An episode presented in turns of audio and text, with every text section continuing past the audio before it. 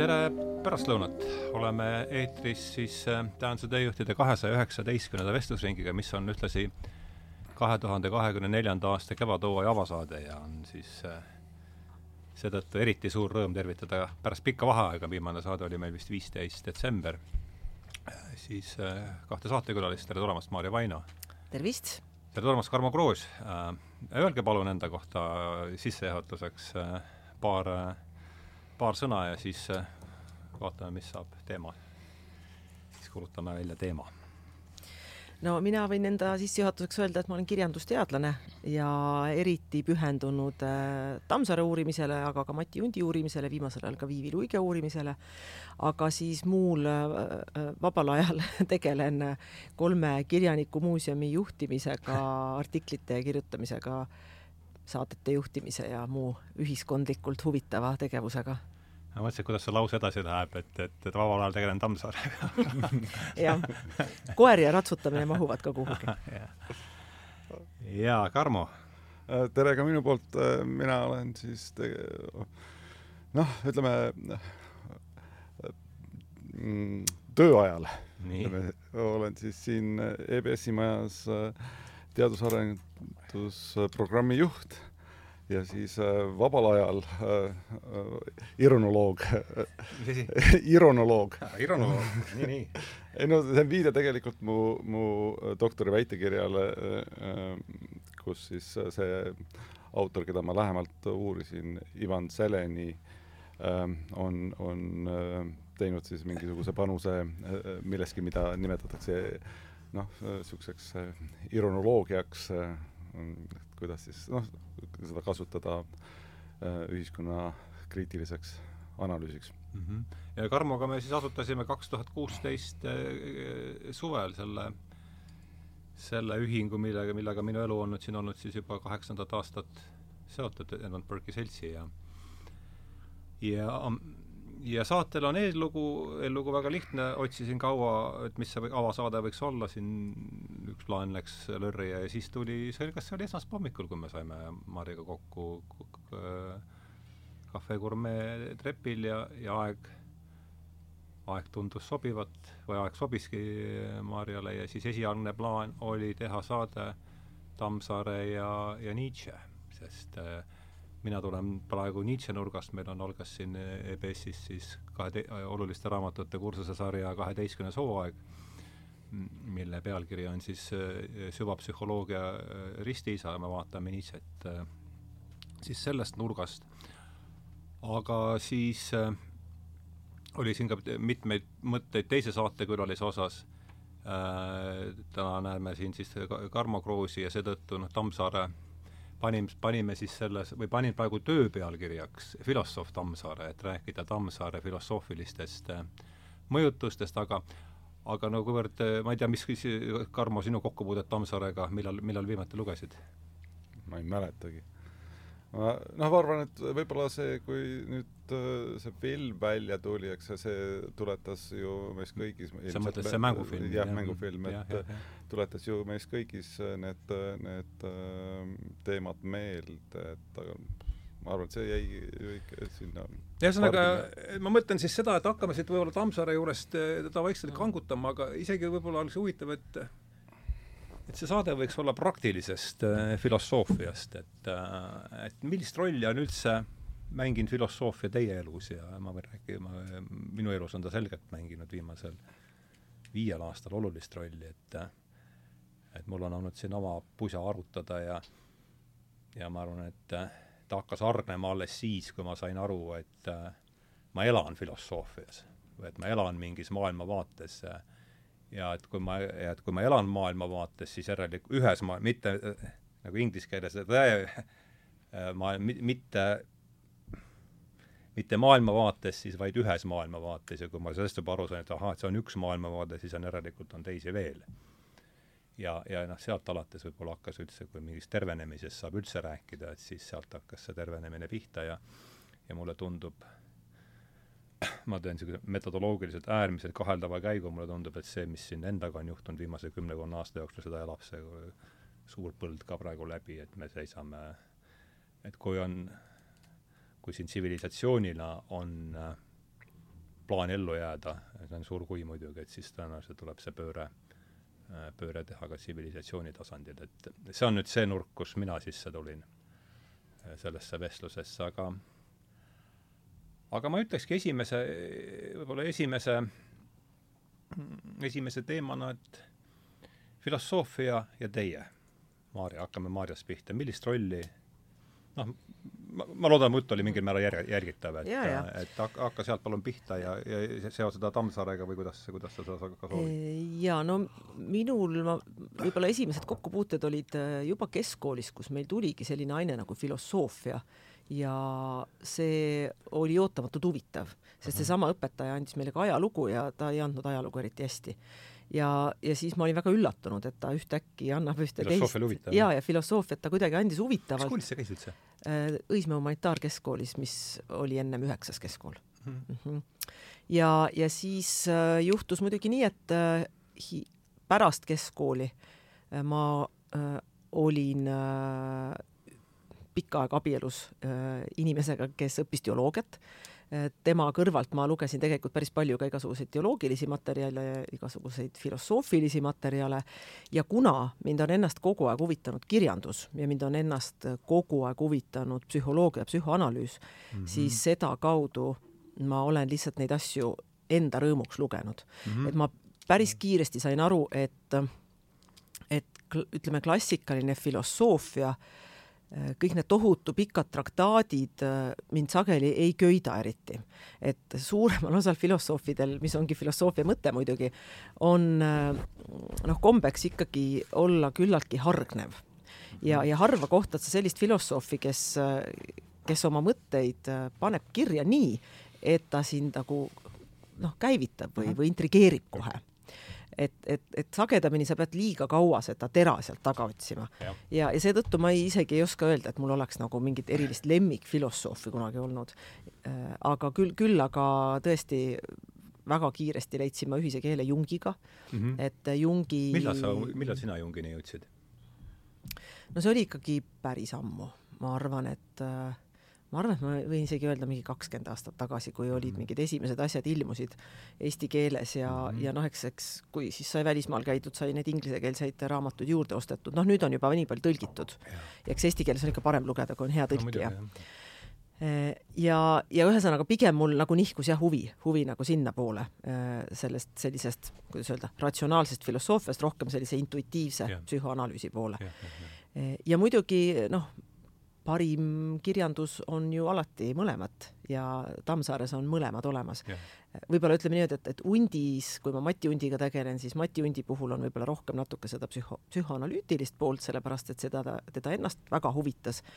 Mm, ja Tammsaarel on rohkem, noh, Tammsaar oligi filosoof, et selles mm -hmm. mõttes äh, ta oli kirjanik, aga ta oli tegelikult ka filosoof, et mm, -hmm, et mitte ühtegi tema teost ei ole võimalik lugeda nagu sellises noh, tema, tema enda äh, Äh, oma, oma kosmose väliselt.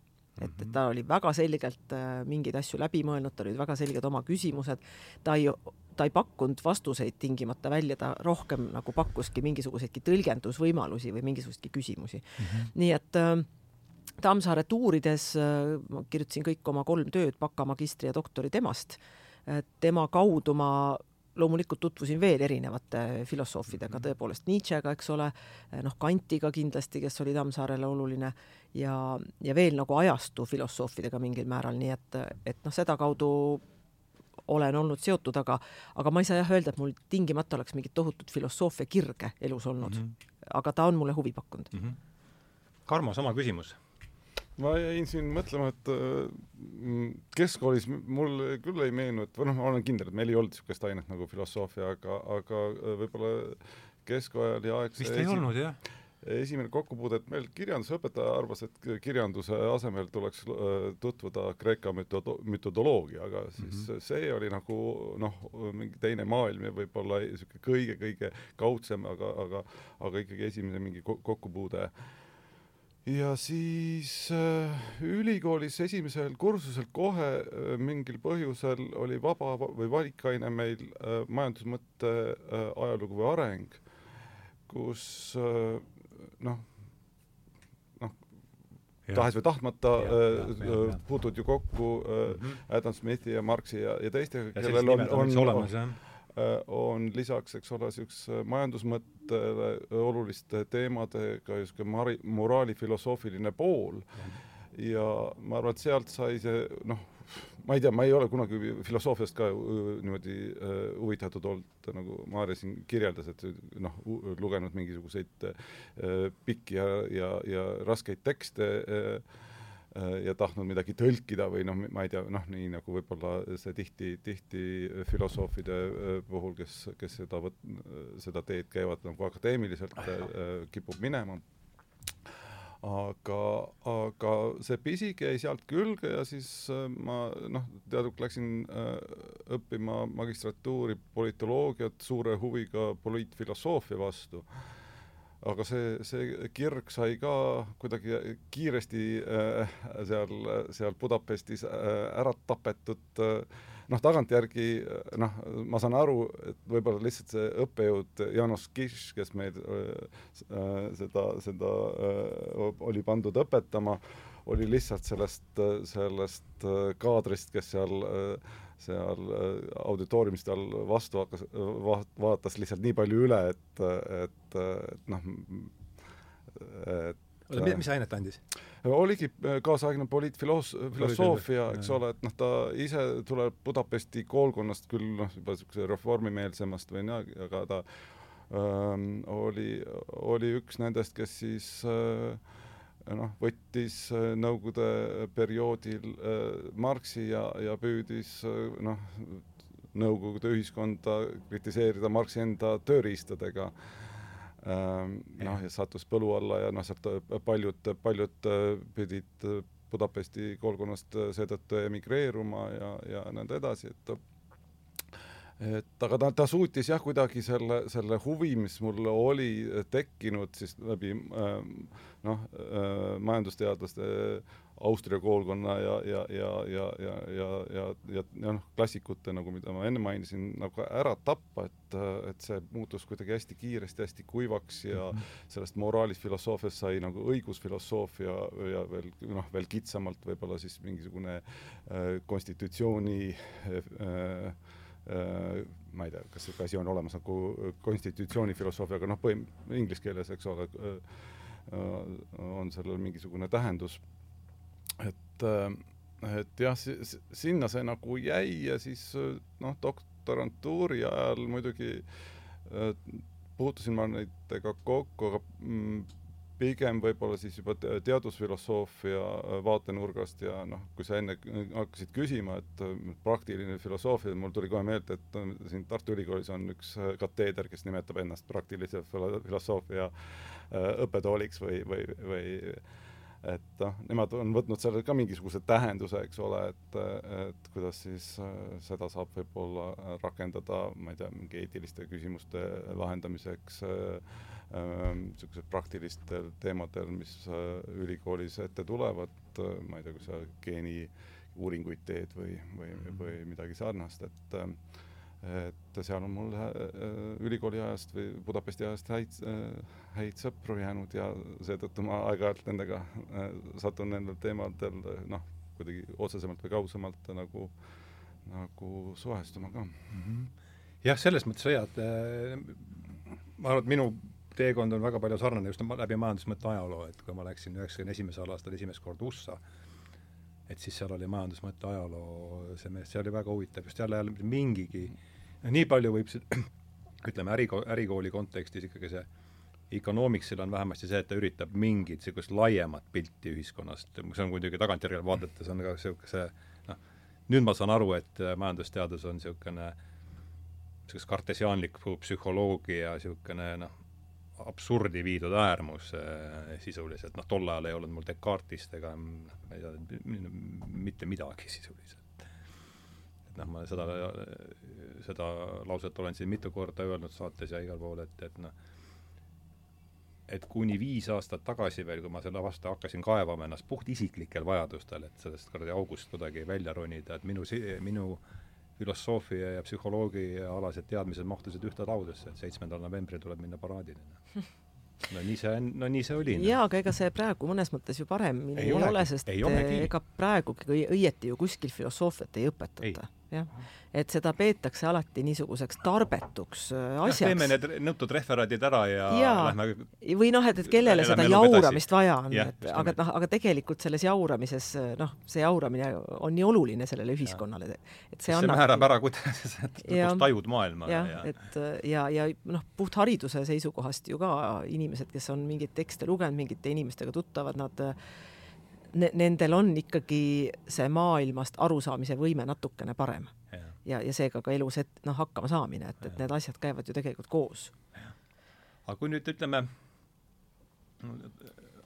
hoian siin tagataskus ikkagi Nietzsche't või tagakuklas, aga et et kui sina, ma tean vastust enda puhul, ja seetõttu ma küsiks enne, enne teie käest, et kui nüüd peaks ühe filosoofi valima, et kes on nüüd praktiliselt sinu ja mul on ka keeruline seda, sellele muidugi vastata, aga, aga niimoodi äh, instinktiivselt ma saaks ühe vist, aga, aga et ühe mõtleja, no see filosoofi ja, ja mittefilosoofi piir on ka niisugune, et et kelle sa noh, niimoodi esimese hooga, ma, mul on esimese hoo vastus endal olemas, ma hakkasin mõtlema, et see võib olla teine, aga aga kummal tuleb ennem?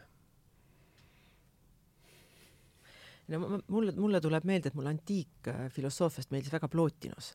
Plotinos, jah. aga, aga siit uuemast ajast mul on raskusi praegu öelda ja, ja no ma ei, üldse ei saaks öelda, et mul oleks selles mõttes nagu noh, lemmikut, et ma üldse kuidagi teadlikult või otseselt nüüd juhinduksin ja, ei, muidugi. Kellestki aga, neist, aga aga eks nad ikka pigem ilmselt jääksid sinna kahekümnenda sajandi äh, sellisesse segasemasse järku mm. -hmm. et see väga ratsionaalne ajastu võib-olla mind nii väga ei ole nagu köitnud. aga Plotinus oled siis mis, mis, mis sa sealt, mis sa talt kaasa võtsid? nüüd on, ma pole nii ammu enam puutunud kokku, et nüüd ma enam täpselt ei mäleta, ma mäletan, et kui ma lugesin, siis ma mitmes kohas mõtlesin, et aa, et vaat, et see on nüüd lõpuks mees, kes on asjadest aru saanud. mul on ka niisugune tunne, ma olen vähe lugenud, minu arust see Kõik hingab ja, koos on ja, see tema, see, see võtab et, kõik et mingi, kokku. mingisugusedki tunnetuslikud asjad olid mulle sellised, et mul, et ja. ma olin temaga väga nõus. Ja see, et kõik kogu, ja minul on plotiliselt kaks asja, kõik, kõik hingab koos ja et kogu teadmine tajaneb sarnasusele, et see on minu meelest, need on kuidagi väga niimoodi isiklikult läbi läbi tunnetatud laused, et aga Armo, sina? no see on jah tõesti raske küsimus selles mõttes, et äh, ma ütlen, et ajastus on need äh, need äh, autorid äh,, kes on mõjutanud ju vahetunud või muutunud, eks, et see on noh, nii nagu te mainisite ka, et mingisugusel hetkel sa jõuad kellegini ja siis äh, vaimustud temast äh,, et äh,, et tundub, et tema ongi nagu sellest aru saanud, et äh, et noh, ma mõtlen, et võib-olla kõige esimesena niisuguse äh, noh, ma ei tea, need on, raske on öelda, et nad oleks filosoofid, aga, aga no ma arvan, et see Austria koolkond äh, majandusmõtte võtmes mm oli esimene niisugune äh, Hayek ja Mises, et kui ma nendeni jõudsin äh,, noh, ja taust oli see, et me tulime just kommu-, sellest sotsialismi ja bakalaureuse äh, õpingute lõpus ja siis noh, ma sattusin sarnaselt sinuga äh, siis Ameerikasse või enne seda veel äh, Tšehhi, kus siis toodi nende Austria koolkonna äh, noh, niisuguseid väljapaistvaid äh, mitte ainult uurijaid, aga ka see uus Austria koolkonna nagu uh, inimesi sinna, sinna tahvli ette. uh, ja aitasid siis Hayekit ja Misest mõista ja, ja noh, see oli kõik üsna loetav tegelikult noh, võrreldes võib-olla mingisuguse väga kauge antiikfilosoofia või ma ei tea, mingisuguse niisuguse, niisuguse noh, võib-olla päris filosoofilise tekstidega, kui sa peaksid sinna sukelduma ilma vastava taustata, eks ole mm. -hmm. et et äh, aga no siis, siis, siis ähm, Budapestis olles noh, kõik noh, eks ma olin ikkagi, võttis aega mõnda aega, et, et, äh, et see Austria koolkonna või ta piiratust või, või, või noh, see oli tead suuresti kõik mu maailm äh, mingi hetk, eks ole. Mm sellest kuidagi laiemalt hakata või kõrvalt nägema. selles filosoofias mina elas, elasin sisuliselt ka ikkagi kakskümmend aastat, ma arvan nojah, jah, ja noh, ja siis vaata seal, seal kaasaegsed äh, poliitfilosoof-, soofid, kes sellega nagu haakusid, eks ole, ja äh, noh, luges, sai neid loetud ja siis noh, võib-olla läbi nende, kes neid, kelle omakorda kritiseerisid, jõuda, jõutud siis natuke kriitilisemate äh, tõlgenduste ja mõteteni ja noh, kriitilise teooriani laiemalt äh,, noh, ma arvan, et niisugune järgmine niisugune noh äh,, tõesti niisugune ahaa võib-olla oli Bourdieu, Bourdieu äh, noh, jällegi ma ei tea, eks ta on filosoofiat ise õppinud ja, ja, ja, ja tunneb ennast väga kodus, eks ole, kas ta ise nüüd päris filosoof on, paljud peavad teda sotsioloogiks, eks ole, aga noh äh,, aga sealt taustast ta tuleb ja noh, tema võib-olla oli niisugune noh, hoopis teistsugune, teisest kult-, niisugusest kultuurist, eks ole äh,, ja, ja va-, nägi neid asju noh, kaugelt erinevalt ühest tüüpilisest äh, äh, moraalifilosoofist või, või, või, või veel, noh, veel kaugemal äh, ökonomistist, eks ole, kellel on midagi mhm. ühiskonna kohta öelda mm. -hmm.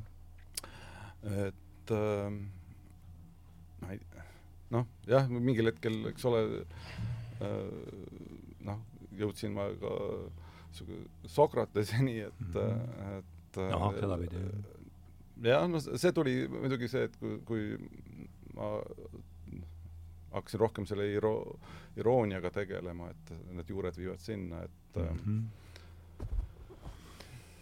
minul tuleb veel meelde, et vaat Kirkekoor ka mingil Aha. hetkel mulle väga no, pakkus huvi. on, on, on irooniast ja Sokratesest ja, ja. Hegelist palju öelda, et ta, tema magistritöö on sellest üks. jah ja, ja see ja tema puhul oli minu meelest just see, et, et eksistentsialism, mis muidu iseenesest on ka nagu noh, tohutult huvitav mõttevool, eks ju, filosoofiline mm -hmm. vool, aga mis on muidu kuidagi selline umbne, et ta ju ei vii sind mõnes mõttes mitte kuhugi, äh, siis äh, siis Kirkekoord oma selle kuulsa hüppe motiiviga ikkagi pakkus sealt ka selle välja, väljapääsu, et, et, et tal oli see eksistentsialistlik elutunnetus olemas, aga tal oli ka mingi väljapääs sellest mm. -hmm. et, et tema, tema tööd on ka tegelikult väga huvitavad mul tuleb meelde, Karmo juttu kuulates, kui ma siin tahvli ees kaagutasin, et äh, majandusseadused on täiesti muutumatud nagu loodusseadused, aga nüüd mul tuleb, tuleb välja, et Sheldricki järgi on loodus, ei ole ka põhjust rääkida loodusseadustest, vaid pigem looduse harjumustest, et et see võtab äh, ka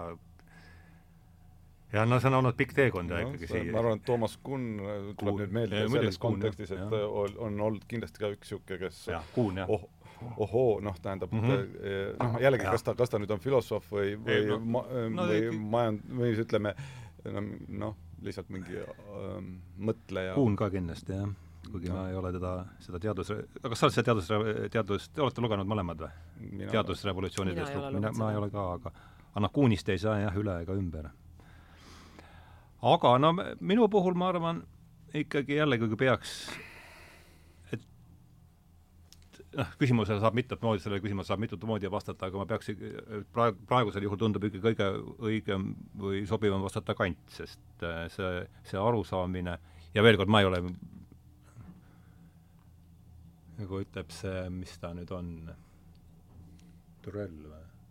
ütleb, et Kant on viimane, kelle kohta Kantis midagi lugeda tasub, et, aga aga just see, et, et me ei näe mitte, see teadmine, et me ei näe mitte reaalsust vaid oma ettekujutust reaalsusest ja et me või et me näeme maailma läbi prillide, mis on meile, mis on meile pähe keevitatud, no vot see andis jälle selle, et et noh, kuidagi sellest, sellest nurgast, kuhu ma ennast ise olin mänginud, kuidagi, kuidagi välja tulla, et seal oli kant, kant erakordselt oluline ja ja eile tuli mulle vastu Paavo Matsin äh, siin äh, tänavanurgal ja tuli ka, läks, läks ka jutt Nietzsche peale ja ja siis ta ütles ja ma saad, lugesin siis äh, Alan Bloomi äh, raamatust The Closing of the American Mind, kus ta ütleb Nietzsche kohta, et Nietzsche tõi religioosse küsimuse tagasi filosoofia keskmesse.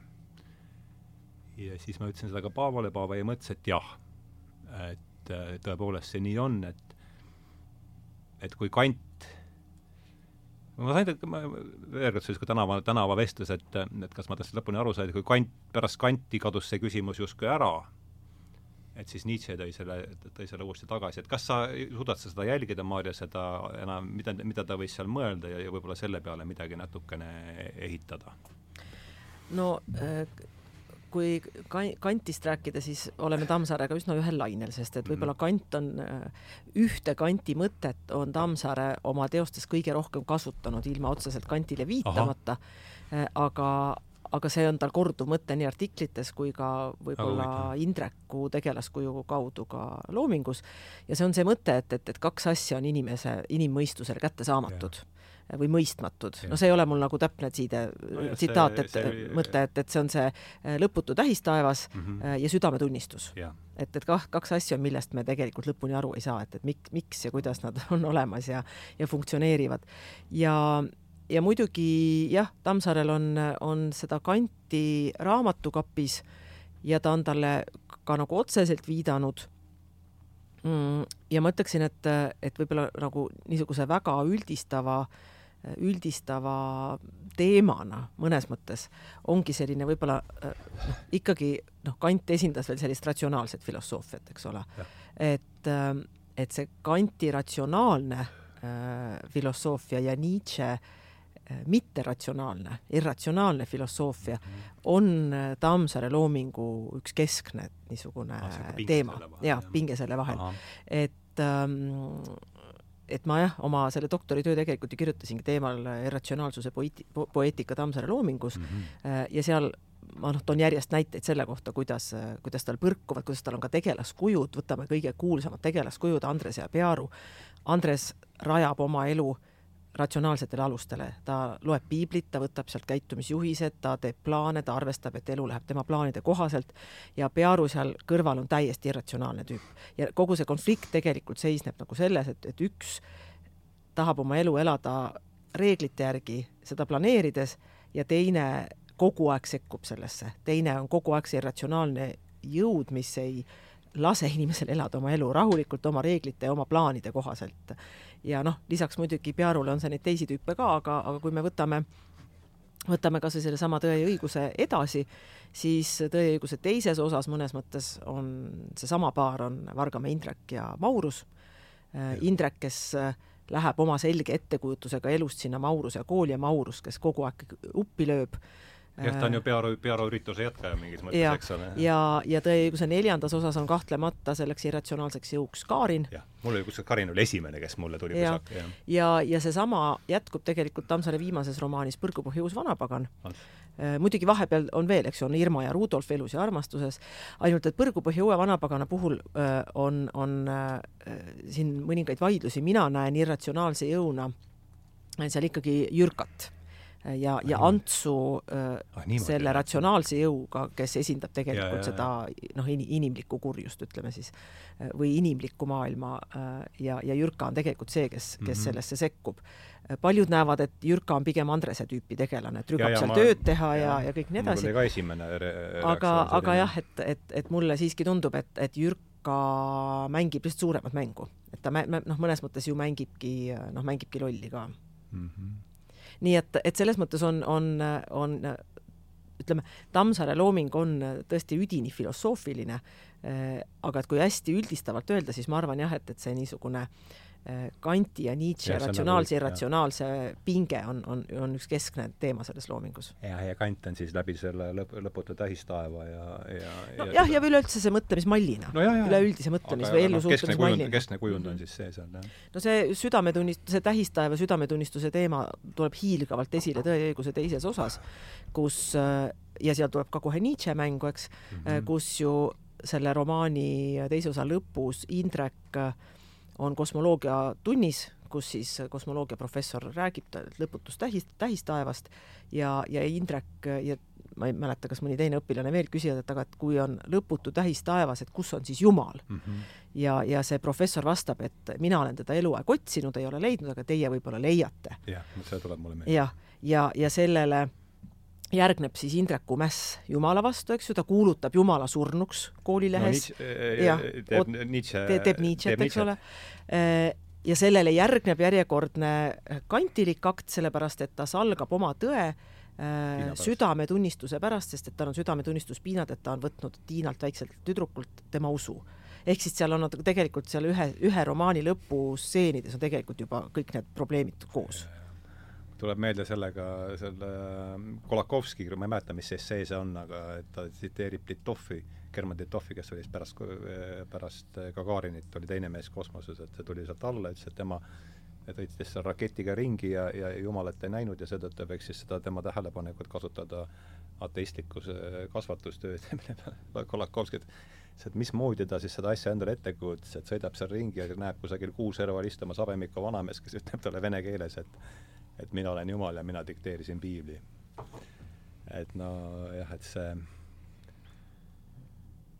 jah, et kes meist on siin õigupoolest naiivne, on see, see, see, see, see küsimus, aga äh, Karmo, kas tuleb sinul Kanti või Nietzschega midagi, midagi sellist äh, ette, puht sellisel jällegi, mida, mida vahetumal ja isiklikumal tasandil, seda, seda, seda parem? Noh, ma neist mööda kusagil, kusagil, nad meis istuvad äh, sees niikuinii, ega neist ma ei usu, et keegi, ükski õhtumaalane nendest päris kuidagi mööda saab. kas ta seda ise, ise endale teadvustab või mitte, see on omaette küsimus noh, jah, vaat eks me tuleme kõik oma rikutuse oma prillidega. jah, jah, ja, ja, ja, ja võib-olla oleme mõjutatud nendest, kes meid on õpetanud ja, ja kuidas on õpetanud, et noh äh,, minu see doktori väitekiri puudutas Ivan Selenit, kes noh, oma äh, akadeemilise karjääri niisuguse viimase äh, staadiumis oli Yale'is siis politoloogia ja sotsioloogia professoriks ja õppetooli juhatajaks ja nõnda edasi. see oli see, kuidas sa tegid just, oma doktoritöö? just, just, et ma huvi pärast, noh, ma tean, et tal on niisugune äh, äh, hästi populaarne äh, kursuse sari, mis on ka veebist äh, vabalt äh, vaadatav, äh, siis noh, mis puudutab siis moodsa sotsiaalteooria alustalasid.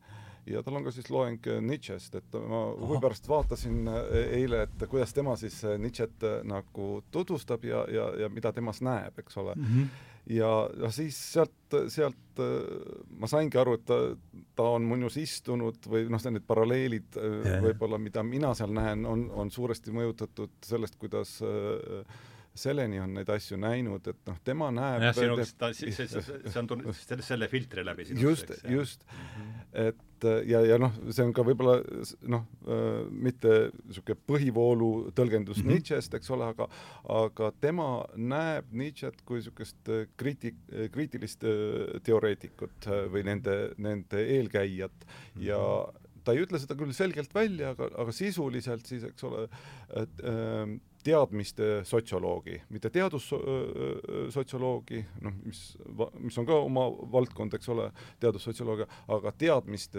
sotsioloogia, et kust need mõtted või ideed meie pähe on tulnud ja kuidas see inglise keeles oleks siis äh, sociology, sociology oh, no, knowledge, jah? Mhm. et, et et äh, ja noh, vaatasin, et tekst, mida ta äh, äh, lasi seal või laseb seal äh, tudengitel lugeda ja mille üle nagu arutlus käib selle, selles äh, loengu osas või see äh, Nietzschele puudetud äh, loengus, on siis äh, moraali genealoogiast mm, -hmm. mida peetakse ka noh, tema noh, niisuguseks kõige küpsemaks või üheks kõige küpsemaks äh, teoseks, et et et äh, see on ka viis võib-olla, kuidas vastata su küsimusele, et kuidas Nietzsche võib, võis panna selle, selle äh, religiooni teema filosoofiasse tagasi, et, et äh, ma ei olnud teadlik, aga, aga jällegi selleni tõi selle, selle ilusalt, ilusasti esile, et ta tuli sügavalt religioossest perekonnast, ta isa oli, eks ole, äh, äh, Luteri äh, preester, ta ise astus. ka teoloogiat õppima. Mm. -hmm. aga noh, ta loobus sellest, eks ole, pärast esimest õp-, õpinguaastat.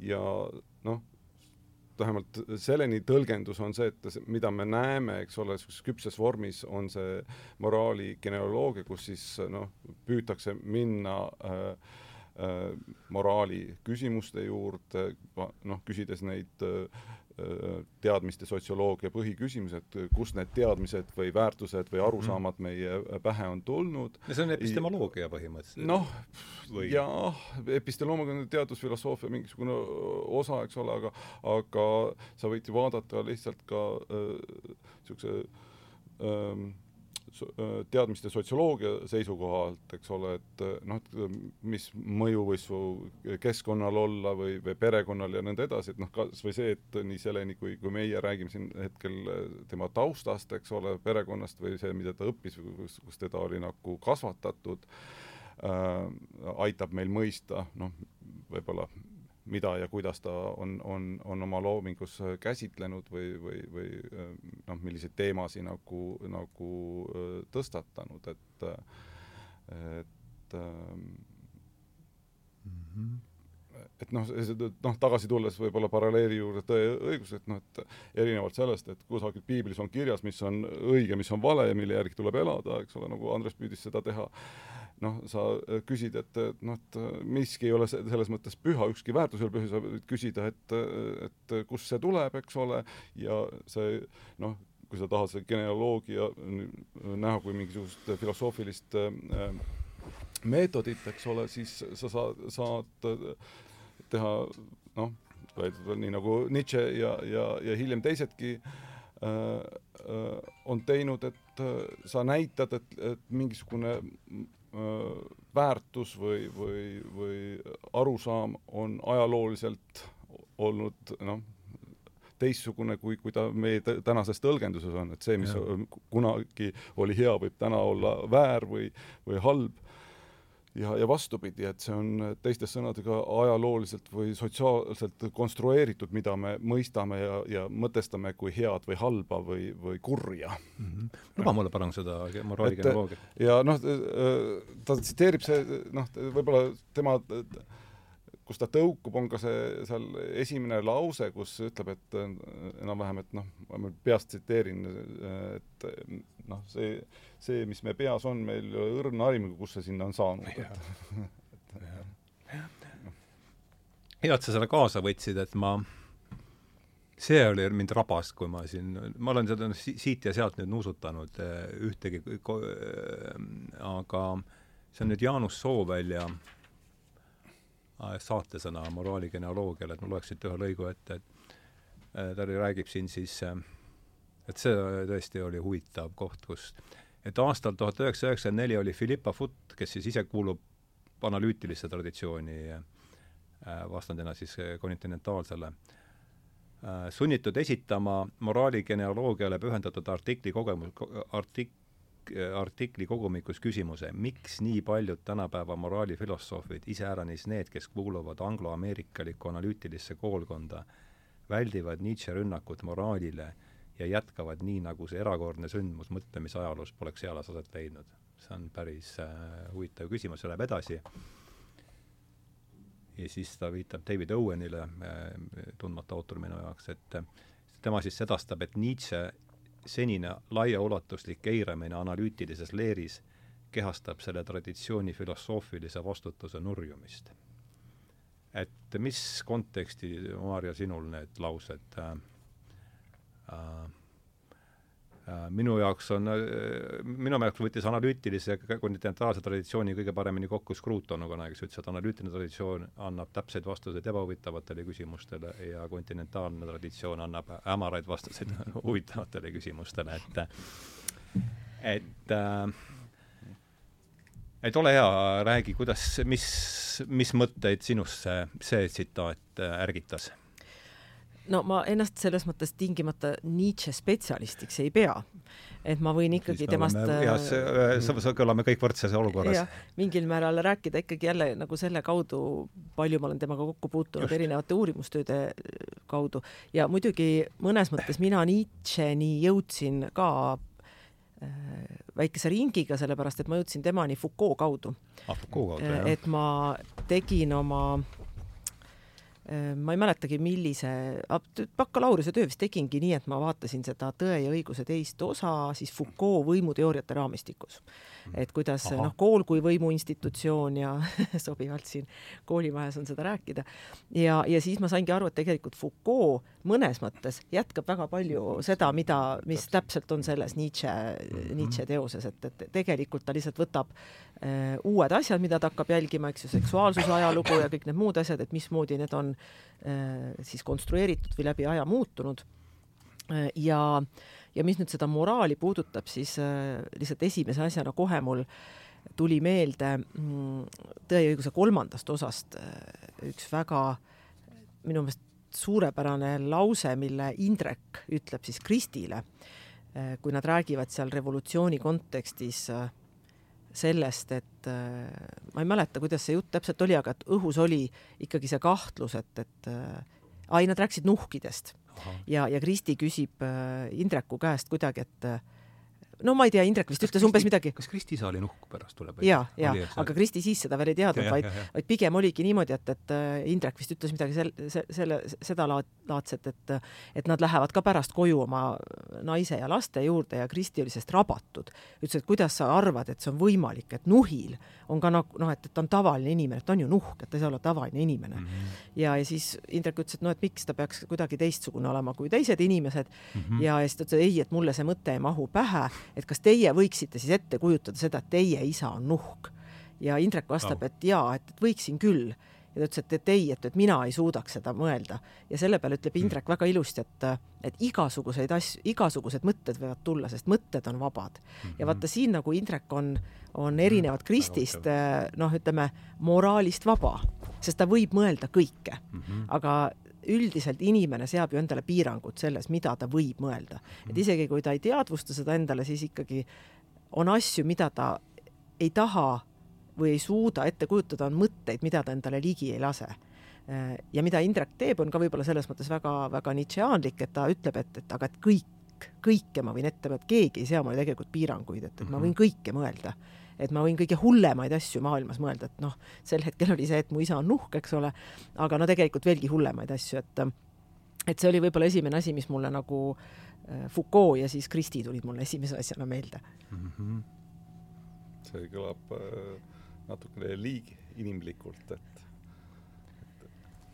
sa mõtled nüüd see menschliches allzumenschliches, sellele viitad? ei no jah, aga no selles mõttes pigem sellele, et, et me võime endale noh, täitsa vabaks saada, mis vist noh, üks on üks tõlgendus, mis see Nietzsche projekt on olnud, et mm, üliinimene, jah. üliinimene, et sa oledki kõigest vaba või noh, selles mõttes, et sa noh, sa paned kõik need, sa võid, midagi ei ole selles mõttes püha, et kõiki neid moraalseid postulaate võib panna küsimärgi alla, sellepärast et ajalooliselt sa saad konstrueerida seda niimoodi, noh. ja, ja noh ähm,, kuidas sa siis seda konstrueerid mm. -hmm.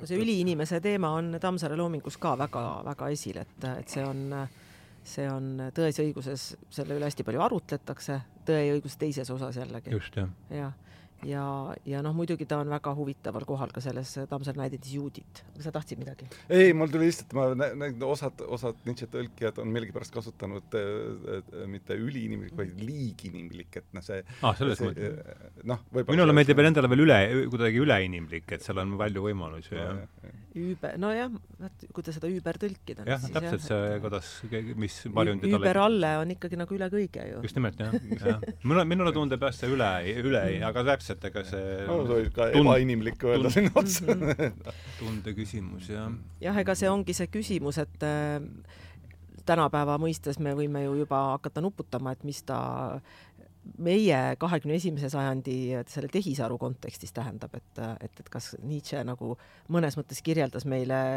seda inimest, järgmise etapi inimest, mis võib-olla tekibki siis, kui see inimlikkus kaob meis ja, ja tegelikult mingisugunegi tehnoloogia üle võtab inimkonna mm. -hmm. sest inimestel on väga palju nõrkusi ja seetõttu nad ei saagi üliinimesteks. jah yeah. äh,. aga nüüd käis siit äh, Jungi nimi käis siit läbi, et noh, see, see, et kui ma nüüd tagasi krutin ennast, et omal ajal noh, see, veel kord, see nurk, kust mina tulin, olen filosoofiasse tulnud, on puht selles mõttes praktiline, et oli vaja kuidagi ellu jääda põhimõtteliselt. ja siin oli minu, noh, Peterson mängis, Jordan Peterson mängis eri, erakordselt olulist rolli just läbi seeläbi, et ta tõi Jungi, et ta tõi Jungi mulle lauale, sest ilma Jungita noh, ei oleks, Jung toob selgelt religioosse küsimuse äh, tagasi, et äh,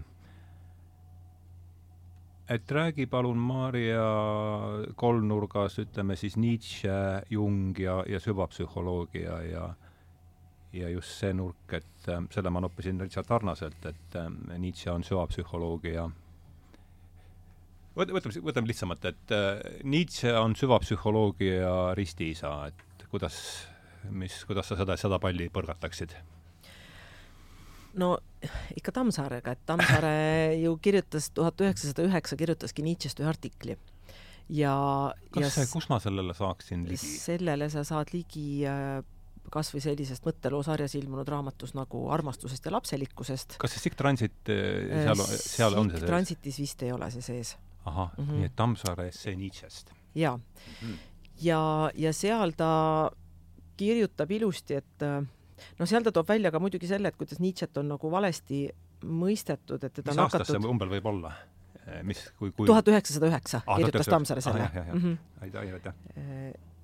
tuhat üheksasada üheksa, jah. jaa, et äh, üks hetk ma kohe vaatan, ma saan ka ilusa tsitaadi siit võtta mm. -hmm. seal ta muuhulgas muidugi leiab ka seda, et äh, inimesed on Nietzsche't hakanud väga ebaausalt dekadendiks kutsuma, et, et, et tema tegelikult oli see, kes dekadentsile ju tähelepanu juhtis kui millelegi põlastusväärsele mm. -hmm. et ega tegelikult Nietzsche ise ju ei ülistanud kuidagi dekadentsi, et, et ütleme, kogu see üliinimene on ju mõnes mõttes dekadentsi vastane, vastane. Mm. -hmm. aga Tammsaare siis ütleb ja ilusti selles essees, ma loen ette tsitaadi, et peenike ja sügav hingeteadus, mida vast ehk tema kirjatööde üheks kõige jäävamaks küljeks võib pidada. ehk siis tegelikult Nietzsche huvitaski Tammsaaret just selle kaudu, et ta tundis, tunnetas seda inimese hingeelu nii peenelt, et, et, et need tema mm, erinevad noh, võib igatepidi kriitiline olla ka tema selliste väga hoogsate ütlemiste suhtes Nietzsche'l, aga aga, aga ta kuidagi tõesti tunnetas seda inimhinge väga erinevalt just nimelt seetõttu ilmselt ka, et ka tema julges mõelda asju, mida võib-olla ei oleks tohtinud justkui mõelda, et mida võib-olla varasem traditsioon ei noh, lubanudki, sest et kui sa neid mõtteid avaldasid, sa võisid noh, ketseriks osutuda mm -hmm. ja mhm. oma elu kaotada, et, et, et mingil ajal ju mingeid mõtteid ei tohtinud mõelda, nii nagu Nõukogude ajal me ei tohtinud mingeid mõtteid justkui mõelda. Et noh, võib-olla kuskil väga omaette võisid, aga avalikult sa neid mõelda ei võinud, eks. et selles no, mõttes selles osas ei ole ka praegune jaa, ja ka praegune aeg on juba jälle selles samas ja, kohas, et, et mingeid mõtteid sa justkui ei tohigi mõelda isegi. et äh, väl-, väl-, välja öelda veelgi vähem. et Nietzsche selles mõttes ta julges mõelda, julges välja öelda, eks ta sellepärast sai ka sellise kuulsuse, nagu ta sai, eks ju, sellise väga-väga äh, skandaalse. Mm, ja, ja muidugi no kuidagi otseparalleel tekib minul äh, Nietzsche, Jungi äh, ja Tammsaare reas äh, tekib ikkagi mm,, et seal keskel on võib-olla see Jungi äh, vastus Hiiobile. et see on nagu see nende kolme autori nagu ühe, ühenduskoht aga ma lasen nüüd vahepeal ja, aga tuleme selle, tuleme, tuleme selle juurde tagasi. Hiievi juurde tagasi, jah. Mm -hmm. ei, ma jäin kuulama, ma, ma ei tea, kas mul on eee, palju ilmselt teema süvapsühholoogia ei ole sinu, sinu lauale väga võib-olla jõudnud, kas on üldse selle sõnaga mingit või mõistega mingit, no Jung ikka tuleb, Jungist on ikka mingi niisugune ettekujutus, et palju, palju, mis sa temast arvad või? noh, ma ei tea, ilmselt ikka üsna pealiskaudne arusaam ja, ja, ja tunnetus sellest, eks ole, et aga aga noh, eks ta, eks ta on midagi, mida akadeemiline psühholoogia noh, millele tänapäevane akadeemiline psühholoogia püüab vastanduda, eks ole, näha selles kui mitte niisugust professionaalset mitteakadeemilist, mitte teadmuspõhist või, või, või tõendipõhist mingisugust jah, see ei ole tõe, see ei ole tõendipõhine äh, psühholoogia, jah. et see on niisugune mm -hmm. noh, niisugune mm -hmm. poolesoteeriline äh, või no ma ei tea, kas see esoteeriline on õige sõna, aga, aga noh, see on mid- midagi aja, aja passi ära. ei noh, midagi niisugust jah, praktiline võib-olla selles mõttes, aga mitte teaduslik, eks ole, või ähm, Ja, praktiline, aga mitte teaduslik. et ähm, jah midagi lisada? Ei no eks, eks noh, ma olen ka mõjutatud Valsineri ja tema, tema nagu äh, kool, noh, noh, võib vist ikkagi öelda koolkonna nagu käsitlusest, et et see, et äh, see psühholoogiast on saanud see, mis ta tänapäeval on saanud, see on noh, noh, mingisugune ajaloolise noh, ühe koolkonna või ühe distsipliini siseste niisuguste mudamaadluste tulemus, eks ole, ja, ja noh, ta võiks olla läinud teisiti, eks ole, et see, et ta mingil hetkel taheti niisugust äh, eristada psühholoogiat, ma mõtlen äh, äh, humanitaariast äh, ja seeläbi, eks ole, kaugeneda niisugust filosoofilisest äh, noh, lähenemisest äh, sellele, mis meil seal hinges või peas toimub, eks ole. Ja, ja muuta ta osa niisugusest farmaatsiatööstuse mm -hmm. sellest või, või, või noh, ütleme üks osa ühiskonna medikaliseerimise no ja, või noh, see noh, et see on kindlasti on noh, mingisugune soov osaleda psühholoogide, akadeemilise psühholoogina näha, näha seda kui osa arstiteadusest ja noh, võib-olla psühho-, psühhiaater ei ole võib-olla väga kaugel sellest, eks ole, ja nad peavad nende patsientidega tegelema, aga, aga noh, sinna siis liidetakse kõik see ülejäänud, et seda kõike saab, saab ju äh, võtta lahti DNA koodiks ja jah. Um, no mul tuleb meelde see üks niisugune murranguline intervjuu oli Tähenduse teejuhtide üheksandas numbris, kui ma intervjueerisin Richard Tarnast, kellest meil oli enne saadet juttu, ja siis ta küsis mu käest, et et võib-olla äh, tuli sisse mäng, see mõiste hing ja ja psühholoogia on ju psüühe, psüühe ja loogos, hingeteadus ja ja siis ta küsis mu käest, et kas sa oled kuulnud sellisest äh, sellisest äh, psühholoog-, kas James Hillmani nimi ütleb sulle, Maarja, midagi? ei ütle. tema kaks tuhat üksteist suri jungiaanlik psühholoog, Sheldrake ütles ta kohta, et ta selgitab Jungi paremini kui mitte keegi teine. Siis peab tutvuma. jaa, ma, mind on ta väga palju, mind on ta väga palju aidanud ja, ja siis see, see lause, mis tõmbas endasse, et oma tuhande üheksasaja seitsmekümne viiendal aastal ilmunud raamatus Revisioning Psychology ütleb Hillman, et kui psühholoogia hingest mööda vaatab, mida siis joonlava psühholoogia teeb, siis me peaksime teda nimetama statistikaks, füüsikali, füüsiliseks antropoloogiaks, kultuuriajakirjanduseks või tõuaretuseks ja see, ja see, seda ahaa ja noh, ta on tõesti väga vaimukas ja, ja noh, jällegi mm, kas teda eesti keelt on ka tõlgitud? teda ei ole eesti keelde mm -hmm. tõlgitud, aga meil on üks äh, Soul's Code on praegu, peaks olema mm, -hmm. peaks olema tõlkimisel, et äh, et meil on, mul oli tast eraldi lausa noh, mul on siin kaks kursusesarja, üks on olulised raamatud ja teine on looduse tagasitulek, kus me siis käsitleme selliseid äh, päevauudistesse mittemahtuvaid mõtteid ja teine kursus oli meil, oli meil Hillmanist. Mm.. nii et mina, ma olen temaga palju, palju tegelenud ja aa, ja siis aa, me tahtsime ikkagi, läheme selle, läheme selle Hiobiga nüüd edasi, sa ütlesid, et Nietzsche, Jung ja Tammsaare saavad kokku vastuses Hiobile, see oli väga huvitav mõte, ma panen siia näpuotsaga veel Hillmani juurde, et et üks lause, mis mind väga palju või kuidagi noh, mingid laused on, mis kuidagi lükkavad pilti sinna, et meele, meelepõhi on poeetiline, et kuidas sa, kuidas sa selle, paneme selle sinna juurde veel ja jääme selle kolmnurga juurde, et mis sa sellest mõttest, mis sa sellest mõttest arvad? jaa, ei no muidugi ongi, ega muidu inimene olekski masin ju noh. et selles mõttes ta, noh, ta peabki olema kõik, kõik irratsionaalsuse poeesia. jah, et kõik, mis meid ju puudutab, see puudutab meie hinge. jah ja,, et enne, ennekõike läheb mida ei ole, mida puudutab... ei ole joonlaua psühholoogia ja, järgi ju olemaski. ja kui hing on haige, siis no vot, tegelikult ei teata, kuidas seda ravida, õieti ja. ei teata ju, et sa ei ravi, tegelikult see keha, kehakeemia manipuleerimine ei ravi ju hinge et, et selles mõttes surub on, sümptomid maha, et ja. sa suudad lipsu ette siduda ja tööle jah, et aga, aga jah, et, et see hing on, on keeruline asi.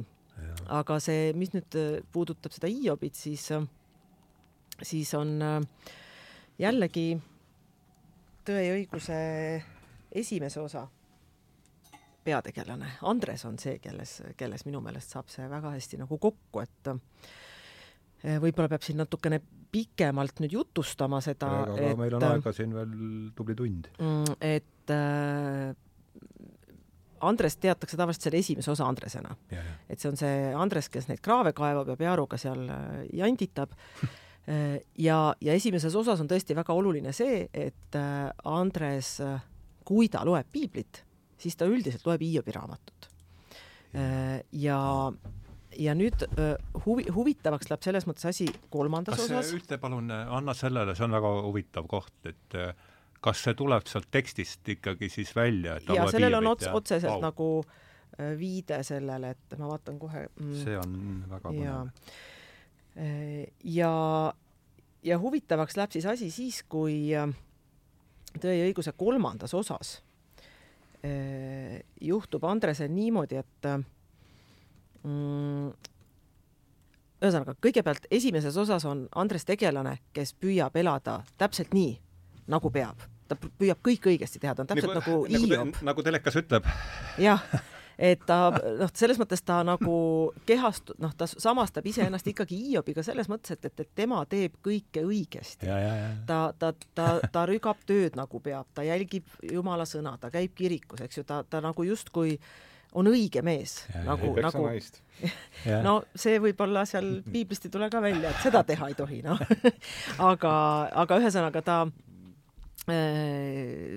on, on see nii-öelda õiglase meelega ja õiglaste tegudega mees vähemalt iseenda silmis. Äh, ja, ja ta ei saa aru, miks on nii, et, äh, et Jumal talle saadab ikkagi neid katsumusi kogu aeg. Hiobi küsimus. Hiobi küsimus, et mm -hmm. tema teeb kõike õigesti, aga tal ei lähe hästi mm. -hmm. ja kui tuleb kolmas osa mm,, kolmandas osas on siis selline episood, kus äh, osad sinna Vargamäele jäänud lastest, üks Indreku vendadest äh, revolutsiooni tuhinas äh, ka nii-öelda mängivad revolutsiooni ja kuulutavad välja Vargamäe vabariigi. see oli see noor Andres või? ei, ei olnud noor Andres, see oli, oli üldse ai okei okay,, see on see, kelle, kelle surnuga Andres toob ära pärast sealt just, just, just, just. ja, ja, ja, seal äh, selles episoodis, äh, kus ta läheb oma surnud lapse järele, on isegi kõige olulisem see, et Andresele määratakse selle eest, et tema nagu laps on olnud sõnakuulmatu, kepihoobid. ja neid kepihoope määratakse häbistavalt vähe Mm -hmm. ja need määratakse ilmselgelt selleks, et teda lihtsalt alandada, isegi mitte selleks, ja mitte selleks, et teda nagu läbi peksta, vaid lihtsalt selleks, et teda alandada mm. -hmm. ja, ja terve see tee äh, sinna nii-öelda mõisa talli taha, äh, kus need kepihoobid talle nagu siis on määratud. Terve tee sinna Andres palub Jumalat ja ütleb, et, et, et ma olen peremees, et ma ei ole enam mingisugunegi tallipoiss, eks ole. et ära lase mind niimoodi alandada mm, -hmm. et päästa mind sellest alandusest mm. -hmm aga midagi ei juhtu, ta saab oma kepihoobid kätte mm -hmm. ja selle tulemusel äh, ta neab Jumala ära et -hmm. kuulus on see, noh, Indreku, eks ju see on see, et te olete mu retsimata nime sittama minu meelest. just nimelt jaa, et, et see on, ja see on tohutu pikk monoloog ja, ja, ja ma siin äh, eelmise aasta alguses kirjutasingi ühe artikli, mis kannab pealkirja Vargamäe Hiiob, kus ma siis nagu kus oli? Loomingus ilmus äh,. mis number? esimene. et, et kus siis nagu äh, ma võrdlengi Hiobi seda noh, enda kaitsekõnesid äh, ja noh, mõnes mõttes ka süüdistuskõnesid Jumalale, siis nagu selle Vargamäe Andrese süüdistuskõne, kõnega ja ütle palun loomingu, loomingu siis kakskümmend kolm või? kakskümmend kolm esimene number ja mm, -hmm. ja, ja seal äh, seal on minu meelest, tulebki mängu nüüd Jung, kes Aha. Äh, ju analüüsib Hiobit ja, ja minu meelest öö, äh, oma väga keeruliste mõttekäikude kaudu jõuab natuke selleni, et, äh, et ju, et Hiob tegelikult. Ju ei anna alla.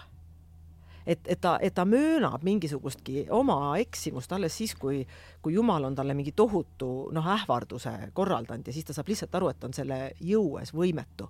aga tegelikult on ju kõik Hiiobi monoloogid ju kinnitused, et mina ei ole eksinud et ma ei ole eksinud, et ma ei tunnista, et kui sõbrad ja naine ja kõik ütlevad, et, et kui need patud või need karistused sulle tulid, järelikult sa oled ikkagi pattu teinud mm. -hmm. ja Hiiop ütleb kogu aeg, et ma ei ole, ma ei ole, ma ei ole seda ära teeninud, see on ülekohtune, ma ei ole seda teinud ja ja Andres on mõnes mõttes samasugune mm, -hmm. et ta ennem ta saadab nagu Jumala kihutab Vargamäelt välja, kui ta ütleb, et mina olen eksinud.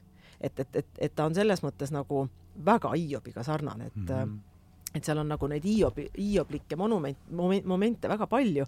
Äh, ja erinevus on siis võib-olla selles, et äh, kuigi ka jällegi sarnasus, et kui nüüd Jung äh, oma selles Hiobi essees jõuab selleni, et Hiobi kannatuste kaudu tegelikult, et, et, et neid vajas tegelikult see Jehova ise mm. -hmm, et, et, et, et muutuda nagu, et, et liikuda tegelikult järgmisele tasandile. jumala individuatsioon on just, et see on jumala individuatsiooniks vajalik Äh, ja, ja mõnes mõttes on äh, ju, jõuab Andres samamoodi mingile täiesti uuele tasemele seal viienda osa lõpus mm, -hmm. kus tal tekib täiesti uus jumala filosoofia ja, ja, ja me võime samamoodi öelda, et tegelikult ta ületas need Jumala poolt, et ta oli suurem kui need Jumala poolt talle saadetud katsumused, sest et laias laastus me võime öelda, et tal läks ju samamoodi nagu, nagu Hiobil, et, et ta lapsed surid, ta noh, kariloomad surid, ta noh, ühesõnaga ise kannatas ihulisi asju äh,, sai nagu karistatud noh, justkui igal moel, et hea küll, mitte nii, nii konkreetselt täpselt nagu üks-üheselt seda võrdlust ei saa teha, et, et nüüd, aga laias laastus need asjad, mis juhtusid Hiobiga, juhtusid ka Andresega. Mm, ja, ja juhtus see mäss Jumala vastu ja juhtus see, et ta ei nõustunud ennast süüdi tunnistama. ja juhtus ka see, et, et siis, et ta jõudis lõpuks iseenda kaudu nagu, nagu mingisuguselegi äh, äh, ühesõnaga, ta tegelikult äh,, tegelikult Andres andestas Jumalale et nii nagu Hiob mõnes mõttes andestas Jumalale äh, selle, selle eksimuse, nii et, et seal on nagu väga huvitavad paralleelid tekivad mm. -hmm. ja, ja see ja see Andrese jah, kraavilabide filosoofia seal viienda osa lõpus on ju, on ju väga muljetavaldav, et mm -hmm. Karmo, mis äh, mõtteid kuulates on me hakka praegu küsimust äh, esitama? mul tuli sellega seoses meelde äh, Nietzsche, et noh, et sealsamas äh, selles äh, moraali genealoogias, et ta noh, räägib sellest, et õilis või suuremeelne äh, inimene peaks austama oma vastast, et nõrk inimene on see, kes, kes äh, vajab nagu õigustust või ettekäänet oma äh, kättemaksu nagu noh ähm, äh, õigustamiseks siis, eks ole.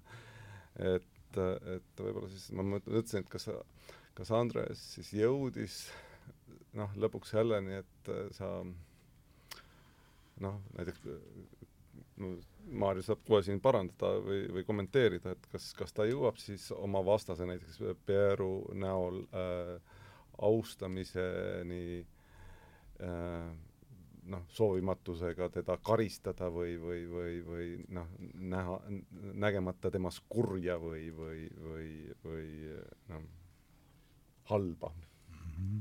ma isegi ütleks, et võib-olla see võitlus Pearuga on Andresel äh, mõnes mõttes teisejärguline jaa ja, sest et tema põhivõitlus on ikkagi, mõnes mõttes on tema põhivõitlus Jumalaga, sellepärast et, et see Vargamäe kui niisugune on ju ka tal Jumala projektsioon ja see, et ta selle Vargamäega võitleb, noh, mõnes mõttes ju võitleb ka Vargamäega, et see on ju ka ikkagi otsapidi see võitlus Jumalaga.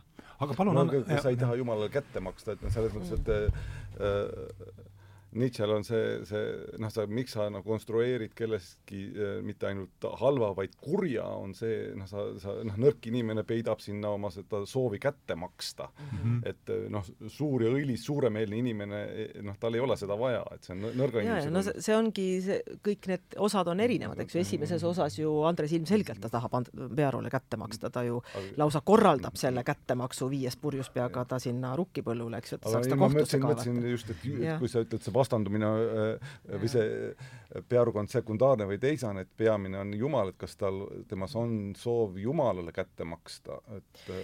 no, no al-, seal kolmandas osas ju on, et seal kolmandas osas ta ju vihastab ikkagi väga sügavalt Jumala peale ja, ja maksabki talle ju kätte sellega, et mm. ütleb, et ma ei taha sind enam, ma ei usu sind enam, kao minema, ära tule kunagi mm. enam Margamäele tagasi, et et ta ju kihutab ta minema, eks jätab ole. piibli lugemise järele ka siis või? ma kardan, et ta piibli lugemist ei jäta järele, sest et muidu ta ei jõuaks sinna viiendasse ossa oma, oma mõtetega, kuigi võib-olla jätab järele, selle kohta meile ei anta andmeid. seda, seda ei ole kirjas. ja, ja et me saame seda lihtsalt, võib-olla ta kolib sinna alla sauna ja seal pimedas saunas omaette mõeldes jõuab nende mõteteni, milleni ta lõpuks jõuab, et see võib-olla ei toimu siis mm, -hmm. siis enam piibli lugemise kaudu aga ole, see, sinnani on mul kõik äh, äh, tuttav, see algus ja, ja see, see, see on mul, kolmanda osa ma lugesin mitte väga ammu uuesti üle.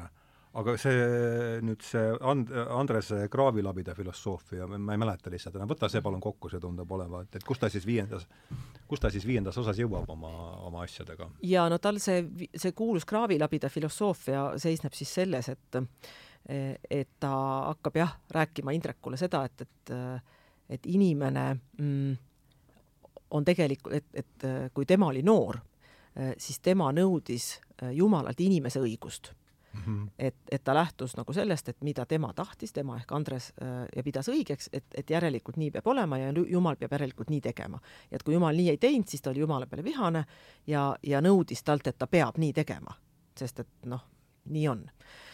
aga seal viiendas osas on ta siis jõudnud selleni, et äh, Mm, et inimene ei tea, mis on Jumala õigus ja, ja esitab siis sellise filosoofilise mõtiskluse, et mm, et inimene on Jumala käes nagu kraavilabidas ja et et inimene ei küsi kraavilabida käest, kas kraavilabidas tahab teha seda tööd, mida inimene on otsustanud temaga teha mm. -hmm. et inimene lihtsalt kasutab seda kraavilabidat selleks tööks ja nii on ka Jumalal inimesega. et kui ta tahab teda mingiks tööks kasutada, siis ta ei küsi selle inimese käest, kas sellele inimesele see meeldib või ei meeldi, vaid ta kasutab teda selleks tööks. ja, ja et inimene peab nagu leppima sellega, et, et inimese õigus ja Jumala õigus ja inimese nägemus ja Jumala nägemus ei pruugi absoluutselt kattuda mingites küsimustes. ja, ja kuidagi sel-, selline äh,, sellega ta tegelikult püüab ju Indrekut lohutada. ta püüab lohutada äh, Mm, teda sellepärast, et, äh, et Kaarin, eks ju, sai surma, äh, mitte küll Indreku käe läbi, aga kaudselt, eks ole, Indrek süüdistab ennast selles surmas ja, ja siis kogu see kraavilabide filosoofia saabki alguse sellest, et et Andres ütleb siis Indrekule, et, et ega, ega ma saan aru, et, et, et sa ei ole selles tegelikult süüdi. et et, et see kõik juhtus sellepärast, et Vargamäe elu on olnud selline, nagu ta on olnud, et sinu peale maksti kätte vanemate patud, et, et jumala ingel tuli, seisis sinu selja taga ja et kaua siis tavaline inimene vastu peab, kui jumala ingel tema selja taga seisab, et, et, et ikkagi lõpuks ta noh, no ei pea vastu või no ühesõnaga läheb nii, nagu, nagu see jumala ingel tahab. ja, ja muidugi äh, kui Nietzsche juurde korraks põigata, siis äh, see, et Indrek otsustab iseennast karistada ja, ja minna sunnitööle. Et see on, on, on kuidagi vägagi Nietzschelik äh, motiiv iseenesest. ja see on ka väga Dostojevskiga, aga Dostojevski oli ju Nietzsche'st vägagi mõjutatud. jah, see on omaette huvitav lugu veel. jaa. Äh, nii et, et, et jaa, see Hiobi noh, mis noh, Jungil ju tegelikult on seotud otsapidi Nietzschega ja, ja Tammsaarel on ka see Hiob hästi oluline ja Jungi käsitlus just sellest Hiobist nagu tuleb seal Andrese, Andrese tegelaskujus ja kõiges nagu tuleb väga hästi välja. et, et see on niisugune huvitav kooslus, jah astume nüüd paar sammu tagasi, sest ähm, psühholoogia kui hingeteadus ja mul on, sa, sa andsid mulle selle Valsineri raamatu, ma olen teda sirvinud, aga sisse pole noh jõudnud, et kas sa suudad seda, sa oled seda lugenud? Ma ja ütleme nii, Vassin andis mulle tegelikult kunagi selle käsikirja, enne kui ta nagu trükki jõudis ja siis ma, siis ma lugesin ma... kas sa suudad selle kuidagi äh,, kas sa suudad selle kuidagi võtta kokku niimoodi, et kuidas seal see me räägime siis praegu psühholoogia, nii nagu me teda praegu ülikooli psühholoogia, mina nimetan seda joonlaua Äh, psühholoogiaks selle kujunemislaos, et miks, millistel põhjustel või kuidas see trajektoor on nüüd niimoodi kujunenud, et ta on praegu selline, nagu, nagu ta meil on, et äh, oskad sa siin mingi no, ma äh, neid täpselt neid daatumeid ja, ja, ja, ja, nimesid ei mäleta, aga ta põhimõtteliselt üldine arengukõver võib-olla oleks jah. on üks väga oluline nimetame selle raamatu korra, Valsineri see teos on, mis ta nimi oligi? Guided Science on ta ingliskeelne pealkiri. Guided Science, jah. Siis tal on alapealkiri, mida ma kohe ei suuda meenutada, aga aga ähm, jällegi noh, võib-olla oleks võinud täpselt need daatumid ja, ja asjad ei, oleks teadnud, jutuks tuleb meelde tuletada, aga aga see on üks äh, väga oluline Saksa äh, ülikooli rektoriks äh, siis äh, õnnistamise kõne, mis on see võtmekoht, kus siis püütakse, kus, kus käib diskussioon selle üle, äh, kuidas jaotada siis teadusharud ja noh, peamine küsimus seal on, et kuhu paigutada ajalugu. -hmm. ja sellest, sellest ma kunagi vist isegi jagasin sulle seda, seda teksti. vist küll, jah on, ja ta on lihtsalt eesti keelde ka tõlgitud, aga ma jääb, pean tunnistama, mul ei ole äh, nimedel nii hea mälu, et seda siin äh, täpselt viidata äh,. ja sealt, sealt see nagu hargnemine noh, suuresti alguse sai, eks ole, et noh, hiljem muidugi tänu sellele, et loodi Ameerika Ühendriikides siis ähm, rahvuslik teadusfond, äh, noh, selleks, et äh, me räägime nüüd teaduse rahastamisest. teaduse rahastamiseks, aga noh, tänu sellele, et noh, kui sul ei ole rahastamist, kui sa, kui sind ei tunnistata eraldi institutsioonina ja nõnda edasi, eks ole, et no võib-olla mu teadmised nüüd segunevad psühholoogia ja sotsioloogia osas, eks ole, et see on nagu võtmekoht, et kus, kus sa kuidas siis institutsionaliseeriti noh, need sotsiaalteadused, eks ole, ja sealhulgas ka siis äh, psühholoogia kui eraldi noh, distsipliin, et kuhu sa siis või kellega siis punti minna, eks ole, et kas minna rohkem niisuguse filosoofilise äh, laadse asjaga, mis paneksid kokku humanitaariaga, mis tähendab teatavat äh, rahastusmudelit ja võimalusi ja, ja, ja nõnda edasi, eks ole, või sa äh, projekteerid ennast kui, kui arstiteaduse mingisugust tõmmist, eks ole, või, või, või tuletist, et ähm, ja noh, seal noh, eks neid, neid selgitusi võib erinevalt öö, otsida, aga üks, mida seal siis noh, tavaliselt välja tuuakse, on see, et et kas sa näed indiviidis unikaalsust või vastupidi, sa otsid inimeste vahel sarnasusi mm. -hmm. et see, mida sina mõtled joonlaua psühholoogia, noh, see selgelt otsib öö, inimpsüühes või, või, või äh, vaimus või mis iganes äh, kupli all toimub äh,, nagu sarnasusi, et jõuda mingisuguse selgitusteni, et noh, sinna saad sa siis appi võtta statistikaapparatuuri ja, ja, ja, ja ja noh, eksperimentaalse niisuguse äh, lähenemise versus, et kui sa, sa mõtled, et inimene on nii unikaalne, noh, sellisel juhul sa seda, seda aparatuuri nii, vähemalt nii lihtsalt äh, ja ajalooliselt ei saanud kasutada, mis tähendas seda, et noh, see ongi niisugune, niisugune suur kirjeldus ja, ja pigem niisuguse kirjanduse või, või, või noh, noh, laadset, et see ongi, kirjeldad siis, eks ole mm, -hmm. siis ei saa mõõta ja, ja, ja teha mingeid statistilisi teste seal mm. -hmm ikkagi jäi kõlama see Maarja mõte siin pool tundi tagasi umbes, et et igal perioodil on mingid mõtted, mida ei noh, ei tohi mõelda. ja siin nüüd äh, ikkagi Jungi äh, seesama Revisioning Psychology tuhat üheksasada seitsekümmend viis, äh, James Hillman äh,, loen ette tsitaadi, et äh, Hillman tsiteerib Jungi. et see on ka põhjus, miks meie ajast on nii täielikult kadunud pühadustaju, miks see on muutunud nii ilmalikuks meil puudub igasugune teadmine psüühia varjatumatest kihistustest. seetõttu vannume vankumatut truudust teadvuse sektile, see on see cult of consciousness. meie tõeline religioon on monoteistlik teadvus, ei monotheism of consciousness on ta siis inglise keeles. see on haaranud meid üleni oma võimusse äh,,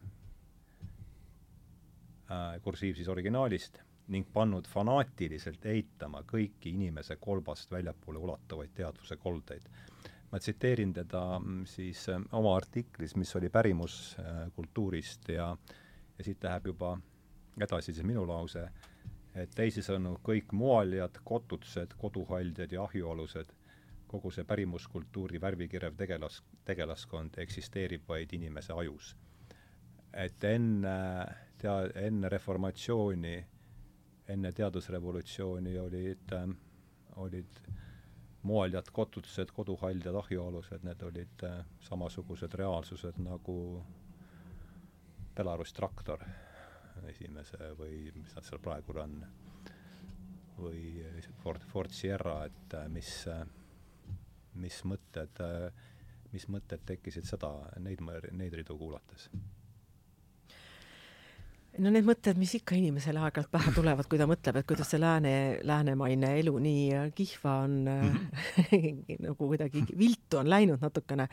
et äh, kõige hea juures on ilmselt ikkagi süüdi ka valgustusajastu mm, -hmm. mis just nimelt tõi kogu selle ratsionaalsuse, noh, inimese kui ratsionaalse olendi esile ja ma saan aru, et see oli vastu käik sellele, et ta oli läinud nagu pendel oli teise serva just, et, et noh, et see on see pendliteooria, eks ju, et ta käib edasi-tagasi. ja noh, nüüd ta on ilmselt liigub natukene äkki jälle sinna teise suunda, et, et ta lihtsalt kahjuks kunagi sinna kuldsele keskteele pidama ei jää, et et võib-olla tuleb mõni, mõni helgem hetk ja ja noh, muidugi tööstusrevolutsioon, eks ole, et, et, et see, mis, mis hakkas inimest vormima masinaks tegelikult, et, et see, mis millele tegelikult ju viitab Jung, millest kirjutab Tammsaare, millest nüüd hiljem on kirjutanud äh, Ando Runnel, noh, kirjut-, noh, kirjutatakse, räägitakse tegelikult väga palju. on see inimese masinastumine? luba see Run-, anna palun Runneli, kus Runnel, Runnel on sellest kirjutanud? oi, Runnel kirjutab sellest väga palju lihtsalt erinevates oma, oma äh, esseedes. Mm. tuleb sul midagi ette? No kas või seal väravahingede kriiksumist kuulates, ei no tege-, tegelikult ta kirjutab sellest võib-olla kõige rohkem selles kogumikus, mis kannab pealkirja Mõõk ja peegel. mõõk ja peegel. ja ma arvan, et seal on niisugused lühikesed, lühikesed äh, mõtisklused ja see masinakultuur tuleb sealt ikkagi välja, aga, aga neid tuleb ikka tal mujal ka, see on tal läbi teema ikkagi mm. -hmm. ja, ja äkki jah, tema viimastes essee kogumikes on kindlasti seal võib-olla isegi need paremini leitavad, sest et seal ta on sisse võtnud ka oma varasemaid esseid, aga, aga Mõõk ja peegel, ma arvan, seal on kindlasti sellest, sellest juttu. ja sellest ka kindlasti sellises Loomingu raamatukogus ilmunud essee kogumikust nagu Isamaa vajadusest, et seal on ka kindlasti sellest juttu. Isamaa vajadusest on Just. Runnel, jah mm. -hmm. Mm -hmm. ja noh, Runnel kirjutas sellest toona ka niisuguses Nõukogude reaalsuse äh, Äh, kogemusest, sest et tol ajal ka see bürokratiseerumine läks niivõrd absurdseks, et ta noh, paigutaski inimese ka mingiks bürokraatia mutrikeseks. no selles osas me vist oleme ja oleme jälle oleme kuskil väga samas kohas. mööda minema ja. selles nii et need väga-väga loed nagu, nagu täiesti ja, ja, pane kohe lehte, et ei ole nagu mingit vahet. ja, ja just seda, seda ohtu ikkagi on, on, on kõik need mõtlejad näinud, et, et, et selle mehhaniseeritud maailma tulekuga äh, kuidagi inimesed olid nii uhked ka selle mehhaniseerituse üle, et mhm. nad kasvõi alateadlikult võib-olla hakkasid nagu imiteerima seda. et ja, ja, ja see, ja see hing nii-öelda äh, noh, tekitabki ainult probleeme, eks ole, kellel seda hingevalu vaja on, et, et parem mhm. masinal ongi lihtsam elada, eks ju, et, et et noh, mingi asi nagu kriiksub, siis paned õli peale ja jälle läheb edasi. et, et selles mõttes ähm, võtad oma antidepressandid sisse ja on masin võib-olla olnud mingi inimese ideaal, et ta on noh, ta on, on tegelikult tegelenud ju selle oma ideaali loomisega, et, et me ju tegeleme sellega praegu, tegeleb sellega tehnoloogia täpselt samamoodi. Äh, nii et, äh, et see nagu tuleb, tuleb mulle esimese asjana kohe pähe. ja, ja siis mul seoses Hiobiga tuli veel korra pähe see, et, et, et, et, et võib-olla isegi rohkem kui, kui Andres viiendas osas pakub ju Jumalale individuatsiooniprotsessis väga olulise äh, võimaluse hoopis ju põrgupõhja jürka kes ju tegelikult läheb luna, lunastama mm. ju Jumalat, kes on sattunud kriisi ja leidnud, et ta inimkonna loomise projekt on ebaõnnestunud. põrgupõhja jurka, kui siis, kuidas sa ütlesid seda, üks äh... no Jumalale individuatsiooni võimaluse pakkujaid, et või noh, enese lunastajaid, lunastamise pakkujaid, et et, et see, see, see tuli mul ka veel meelde, jah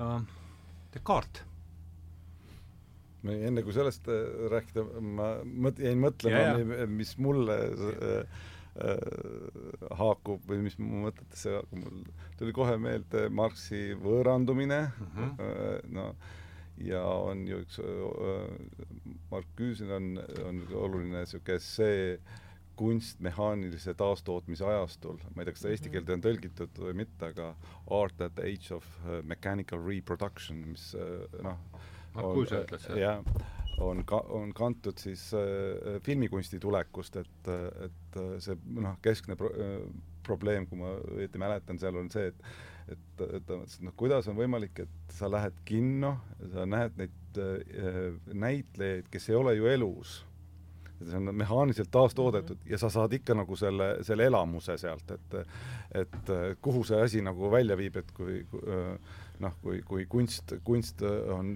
kunsti on võimalik niivõrd lihtsalt äh, mehaaniliselt taastoota seda, seda elamust, mida noh, võib-olla muidu lähed teatrisse äh, kogema mm.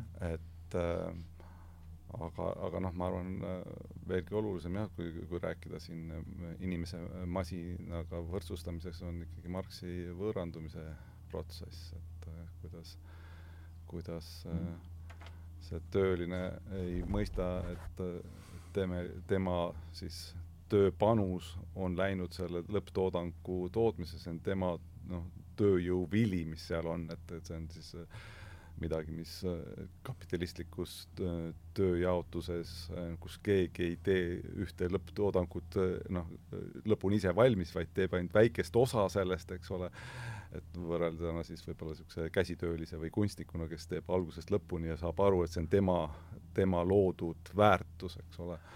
et kui sa oled lihtsalt väike mutrike suures e-, tehases, eks ole, siis, siis toimubki niisugune võõrandumine ja sa ei saa aru, et tegelikult sind ekspluateeritakse ja, ja sinu, sinu töövili on see lõpp, mis, mis, mis siis äh, annab kapitalistile võimaluse noh, tasuta või ütleme siis ähm,, kuidas see terminoloogia oligi, mul on meelest läinud kõik äh,, mittetöist tulu saada mm. -hmm jah, aga seal tuleb ka ikkagi see sulase ja peremehe motiiv jälle mängu, et, et, et ega igaüks ei tahagi peremees olla, vaata, et sulane on ka õudselt mugav olla. et sa ei pea nagu samal ajal vastutama ka selle eest, et, et see, et see lõpptoodang siis nagu tulu teeniks, et, et seal on nagu noh, eks mõnes mõttes ju kogu kahekümnenda sajandi teise poole, ütleme teise maailmasõja järgne filosoofia ju väga palju tegelebki võõrandumisküsimustega, sest et see ongi juba see tööstus, noh, tegelikult see tuleb juba varem natukene, aga et ennem ta on natukene võib-olla rohkem sellise noh, nostalgiaga seotud ka äh, tööstusrevolutsiooni eelse eluga justkui või. Aga aga siis juba tegeletaksegi hästi palju, kuna toimub linnastumine, kuna toimub noh, toimuvad kõik need protsessid ja nad toimuvad väga kiiresti ja inimese teadvus ei ole tegelikult kohanenud ja ma arvan, et ka praegu need vaimse tervise probleemid, mis nagu tohutult palju inimestel on, tulevad sellest, et nad ei suuda kohaneda selle infoühiskonnaga, seda kõike on liiga palju, inimese teadvus, ma arvan, evolutsiooniliselt ta ei, ta ei suuda seda kõike noh, hallata, samas ta peaks seda haldama, sest et see noh, me oleme alati ju teadnud, noh, Foucault ütles ka ilusti, eks ju, et teadmine on võim, et sa pead olema kursis, sa pead teadma, sa pead infot kogu aeg omastama ja nüüd on seda nii palju, et see on niisugused tot-, totaalse hajevil oleku põhjustanud, sest et, et sul puudub nagu see infokese, et sa pead, oled kogu aeg har-, hargned selle info vahel mm. -hmm, jah, jah mm,. midagi.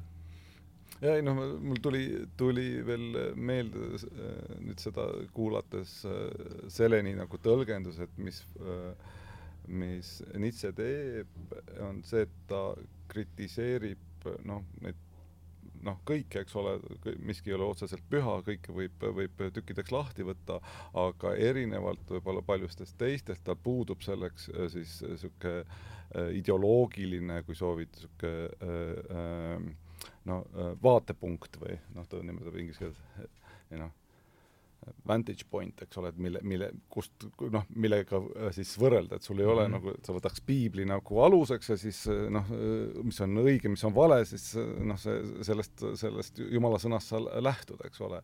või et kui sa oled väga ideoloogiliselt noh, leninistlik, eks ole, siis võtad klassikalised Marxi või, või Lenini tekstid ette, siis sealt sa tuletad, mis on õige, mis on vale no,. kusagil peab ankru panema. jah, ankru panema, aga, aga et Nietzsche'l ei, tema omapärane sellest, et tal ei ole seda mm. -hmm. et kas ta Zarathustra ka üritab sinnapoole või? kuidas teie aru saate sellest?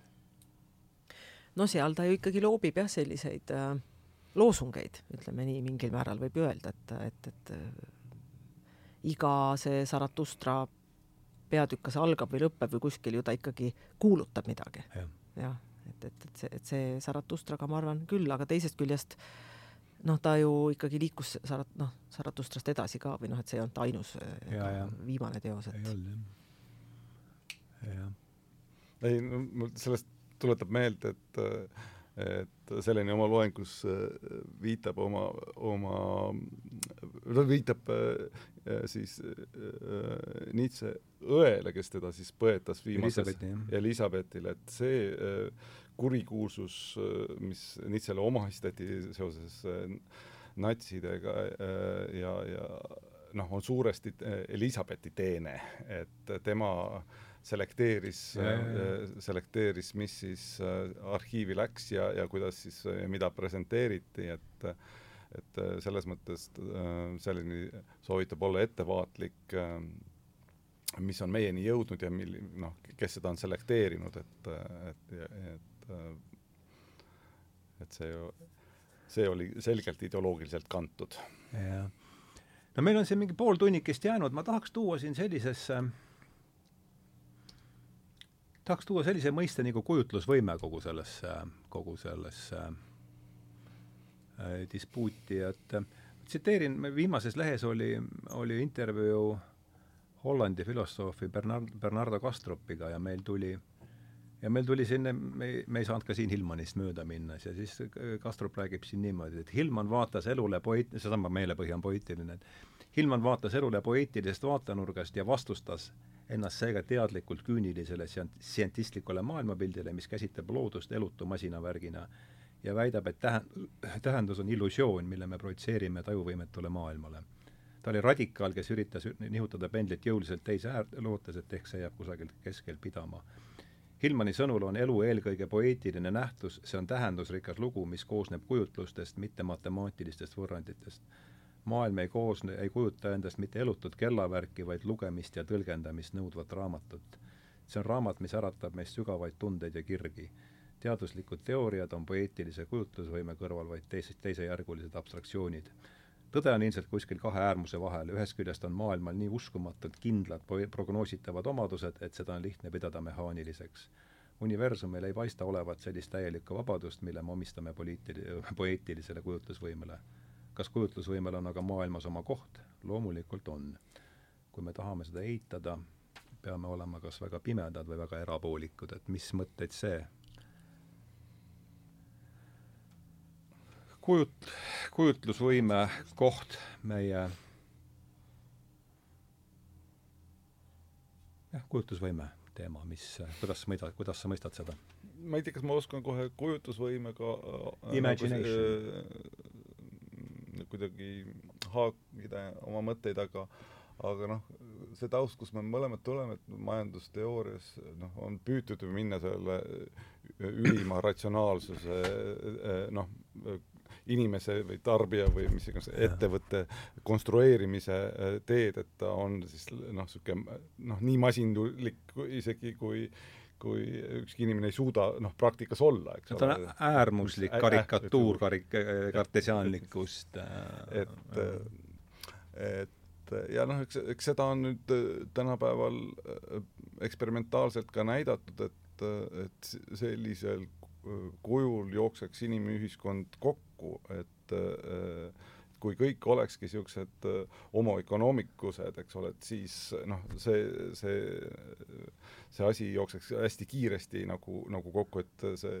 see baseerub ikkagi irratsionaalsusel tihti, aga noh, ega muidu ei oleks ka majandusteooria äh,, teooria niivõrd mõjuvõimas olnud, et seal kindlasti on äh, noh, kübake tõtt, eks ole, et ta ei ole ainutõde, eks ole, absoluutne, aga noh, eks me, kui sa tahad mõelda inimesest kui noh, egoistlikust või omakasupüüdlikust või oma heaolu maksimeerivast olendist või, või ettevõttest nii noh, noh, see aitab ikkagi suure osa selle inimese või, või organisatsiooni olemusest või tema omanike käitumisest mõista, tavaks teha aga kui see oleks ainult nii, eks ole, siis, siis ilmselt see asi jookseks kiiremini ki kiiva, kui, kui noh, me ette kujutame majandusteooria võtmes, eks ole, et mm -hmm. et seda, see, seda noh, tasakaalu, et kui palju seal on seda irratsionaalset, poeetilist või kuidas sa küsisid nüüd äh,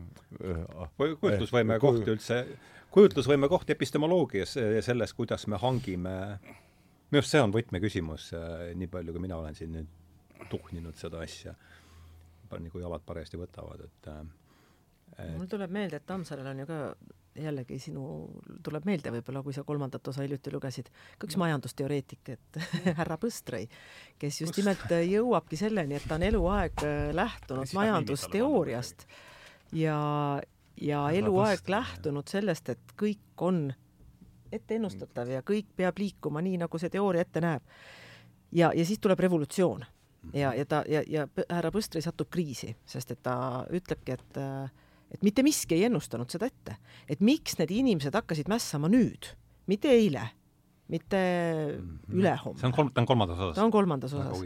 ja, ja, ja siis äh, härra Põstri muutub väga imelikuks, hakkab äh, käituma teisiti, alustab sellest, et ta ei keera oma kella üles igal hommikul, vaid suvalisel hetkel, sest ta ütleb, et ta on ise hullem kui see kell, et ta teeb kõike täpselt samal ajal, täpselt ühtemoodi, täpselt kõike nii, nagu ise on üks kellavärk, ise on üks masin ja, ja hakkab nagu tegema mingeid asju teisiti, kui ta on muidu teinud ja noh, muidugi saab surma kokkuvõttes, sest et aga, aga ühesõnaga see härra Põstri on, on üks väga tore tegelane. kui ta on mingi kõrvaltegija, mul ei tule üldse ette.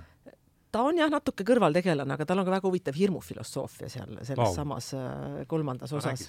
see hirmu, hirmufilosoofia seisneb ka selles etteennustamatuses mingil määral.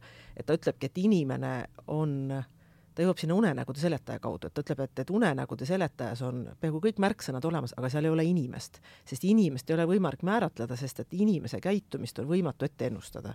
et, ähm, et jällegi toob selle mässu, eks ole, näiteks ja, ja siis jõuab ka selleni, et, et kui inimesed äh, ei karda enam kaotada seda, mis on neile kõige väärtuslikum, ehk siis oma elu, et siis on võim kaotanud et kuni veel inimesed kardavad äh, surma saada, et seni ei ole võimul põhjust nagu muretseda.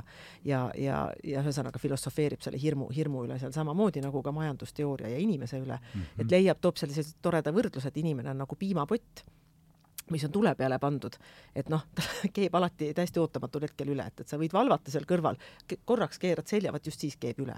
et, et keegi ei tea, mis hetkel piim mhm. hakkab üle keema seal, eks ole, et, et noh, mingi sellise, sellise, sellise võrdluse toob, et aga, aga kuju, kujutusvõimega mulle tundub, et tegelikult kujutlusvõime ja teadus ju ei vastandu omavahel, sellepärast et sa noh, ei saagi teadust teha, kui sul pole kujutlusvõimet. Ja, ja, ja teadus on alati tõlgendamisküsimus, sest et äh, ta peab olema ümberlükatav, et see on ju teaduse definitsioon, tõlgendused ei, ei, ei olegi. nii et mõnes mõttes ei peaks nagu kujutlusvõime ja teadus üldse olema nagu mingisugusedki vastanduvad nähtused omavahel. Ma usun isegi noh, Eesti kul-, niisuguses sotsiaalteaduses või, või laiemalt kultuuris oluline Rein Taagepera, kes on ju ta-, taustalt äh, loodusteadlane äh,, tal on noh, viis, kuidas ta on mõtestanud ku,, ku, kuidas siis teadus tuleks teha sotsiaalteadustest, kui õppida loodusteadusest, sest noh, tema väga olulisel kohal on seal noh, see on ingliskeelne termin hunch, et noh, sul peab olema mingi eeldaimdus või, või, või niisugune, mis on tä-, noh, selles mõttes seal ei ole mitte mingisugust äh, ju noh, kusagilt noh, see ei ole niisugune mehaaniline noh, teooriast võet-, tuletatud hüpoteesi testimine, et vastupidi, midagi uut ja väärtuslikku luua, sul peab olema ikkagi mingi mingisugune noh, eelhaimdus, mis viib Sorokini, noh, kui me siin oleme varem rääkinud, et ka midagi sarnasele, sarnase mõtteni, et ähm, aga jah, see piima see piimakruus või mis sa ütlesid, piimapott jah. mina olen ette, mul tuli üks, üks enda kujutluspilt siin veel enne Ukraina sõda. et on lõke ja lõkke peal on siis äh, noh, kinni keevitatud veeanum.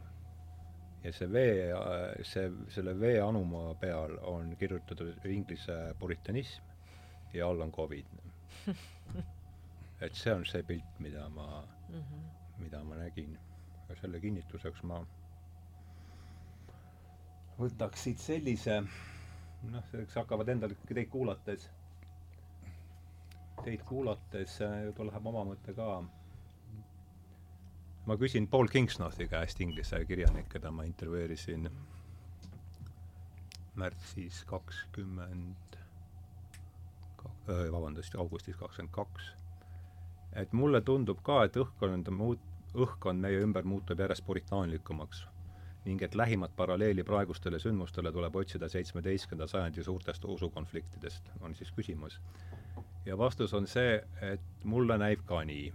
on tähelepanuväärne, et suur osa praegusest radikaalsest vasakpoolsest ideoloogiast saab alguse Ameerikast, mis on väga puritaanlik maa. veelgi enam, selle ideoloogia kasvulavaks on suuresti USA idarannik, kus puritani kuueteistkümnenda sajandil rang-, randusid praegune atmosfäär on tõesti üha puritaanlikum, tuleb öelda õigeid asju ja kui keegi seda ei tee, siis peab ta avalikult vabandama ja nii edasi, sellest kõigest puudub kristlik võime andestada. see ongi põhiprobleem. meie ümber toimub, meie ümber toimuv moodus, meenutab üha, tõesti üha enam inglise kodusõna usupuhastust ja kolmekümne aastast sõda. valitsev hoiak, et me peame möödanikuplekid oma kultuurilt maha pesema, selles kõiges on tunda ususõja energiat, et äh, et mina tunnen seda küll, mingis mõttes jõuame siin Illitsi argumendi juurde tagasi, me ei ole sugugi postkristlikud, vaid käitume nagu Inglise sõja, Inglise kodusõja ümarpead ja kavalerid, et äh, Tammsaare ja Luter, Lut-, kas ta, kas ta Calvinist on kirjutanud midagi, mida ta sellest äh, ei, ta seda ei ole, aga mulle praegu lihtsalt hoopis tahaks hüpata Tammsaare juurest korraks hoopis Tuglase juurde. ja, ja, aga ja, see, see on see saade just, kus seda teha. ja taha, tahaks öelda, et, et tegelikult see praegune ühiskond või see praegune äh, ütleme, see äärmusvasakpoolsete puritanism, kui seda nii nimetada, hoopis toob mulle võrdlusena pähe selle Tuglase noh, suurepärase novelli Popi ja Uhuu, kus äh, sa võid noh, proovida käituda ükskõik kui õigesti ja alandlikult nagu, nagu koer selles loos aga ega sa ahvile meele järgi ei suuda olla, sest et ta on nii tujukas ja tal võib see mõte nii kiiresti muutuda, et, et kord, kord ei meeldi üks, kord ei meeldi teine, sa ei saa meele järgi olla. ja, ja noh, see kõik lõpeb ju plahvatusega, nii et, et mulle aeg-ajalt tundub, et see see meelevaldne tühistamine ja see noh, see meelevaldne otsustamine, et nüüd pole see sõna lubatud või nüüd pole selle mõtlemine enam lubatud, nüüd ei ole see enam lubatud kes otsustab ja, ja mis ta järgmiseks välja mõtleb, et noh, et meil ei ole võimalik selle järgi elada tegelikult -hmm. noh, sa võid nagu empaatiliselt mingi piirini nagu kaasa ja. mõelda, et loomulikult, et mingid asjad ei ole ilusad ja loomulikult noh, tuleb teiste inimeste suhtes olla viisakas ja nii edasi, aga sa ei saa hakata kellegi noh, meelevaldse tujukuse teenriks, et, et, et see, see on nagu see praeguse minu meelest ja, ja seetõttu sul ei ole lõpuks tegelikult võimalik äh, võimalik äh, selle asjaga kaasa minna, et, et, et sa, sa hakkadki vastu ja, ja ongi konflikt ja ongi meil see kultuurisõda. Äh, kas äh, ütleme nii, et võib-olla kõige olulisem asi, noh, kõige olulisem, üks asi, mille ma nüüd oma sellise amatöörarheoloogia käigus olen jõudnud, on see, et millist äh, põhjapanevat rolli on mänginud reformatsioon meie, meie selles, meie praegu, praeguse elulaadi kujunemises ja ja ma arvan, et noh, et see, mis siin praegu toimub, üks niisugune suur allhoovus ongi võib-olla niisugune reaktsioon äh, reformatsioonile, et, et vähemasti oma tegevust ma mingis määral kuidagi, kuidagi mõtestan, mõtestan selles kontekstis, et äh, märksõna reformatsioon siin lõpuks veel tagarmaga tuleb. ma püüdsin su mõtet järgida, mida sa seal silmas pead, et kas see, et igaüks võib äh, siis äh, jumala või piiblisõna ise tõlgendada see on üks, aga võib-olla pigem see just jah, et et enne, ütleme, et see on üks suur, mina, mina saan sellest asjast aru nii, nii et see, et kui võtta ajatelg no, miinus lõpmatusest äh, või noh, mis ta seal on, äh, võtame siis miinus viis, neliteist, neliteist miljardit aastat äh, kuni praeguseni, et siis seal on üks suur katkestus, mis hakkab pihta renessansiga, jätkub reformatsiooniga, siis teadusrevolutsioon ja siis noh, valgustus, mis annab selle asjale selle poliitilise kummitempli, kummitempli otsa.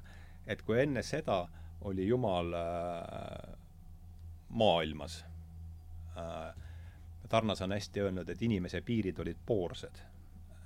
et noh, kui me vaatame siin, kas ma ei tea, Homerost äh, loeme või et siis noh, jumalad, jumalad sehkendavad inimestega seal äh, kõrvu, kõrvuringi ja nüüd reformatsiooni käigus äh, imetakse see jumalikkus maailmast välja ja saadetakse ta siin, saadetakse trans-, transcendentsi ja pärast, ja pärast teadusrevolutsiooni, noh, see tähendab see, et mis ütleb Laplace Napoleon, et Jumal on ebavajalik hüpotees, see kaob üldse ära ja jääbki järele lihtsalt see hingetu, hingetu masin, mis on siis üks hammasratas lükkab teist ja sama asi käib ka siis meie, meie teaduses, ma ei tea, kui hästi ma seda, oli see, oli see jutt, oli see, oli see jutt jälgitav üldse ma, et ilma reformatsioonita mm -hmm. ei oleks saanud juhtuda teadusrevolutsiooni.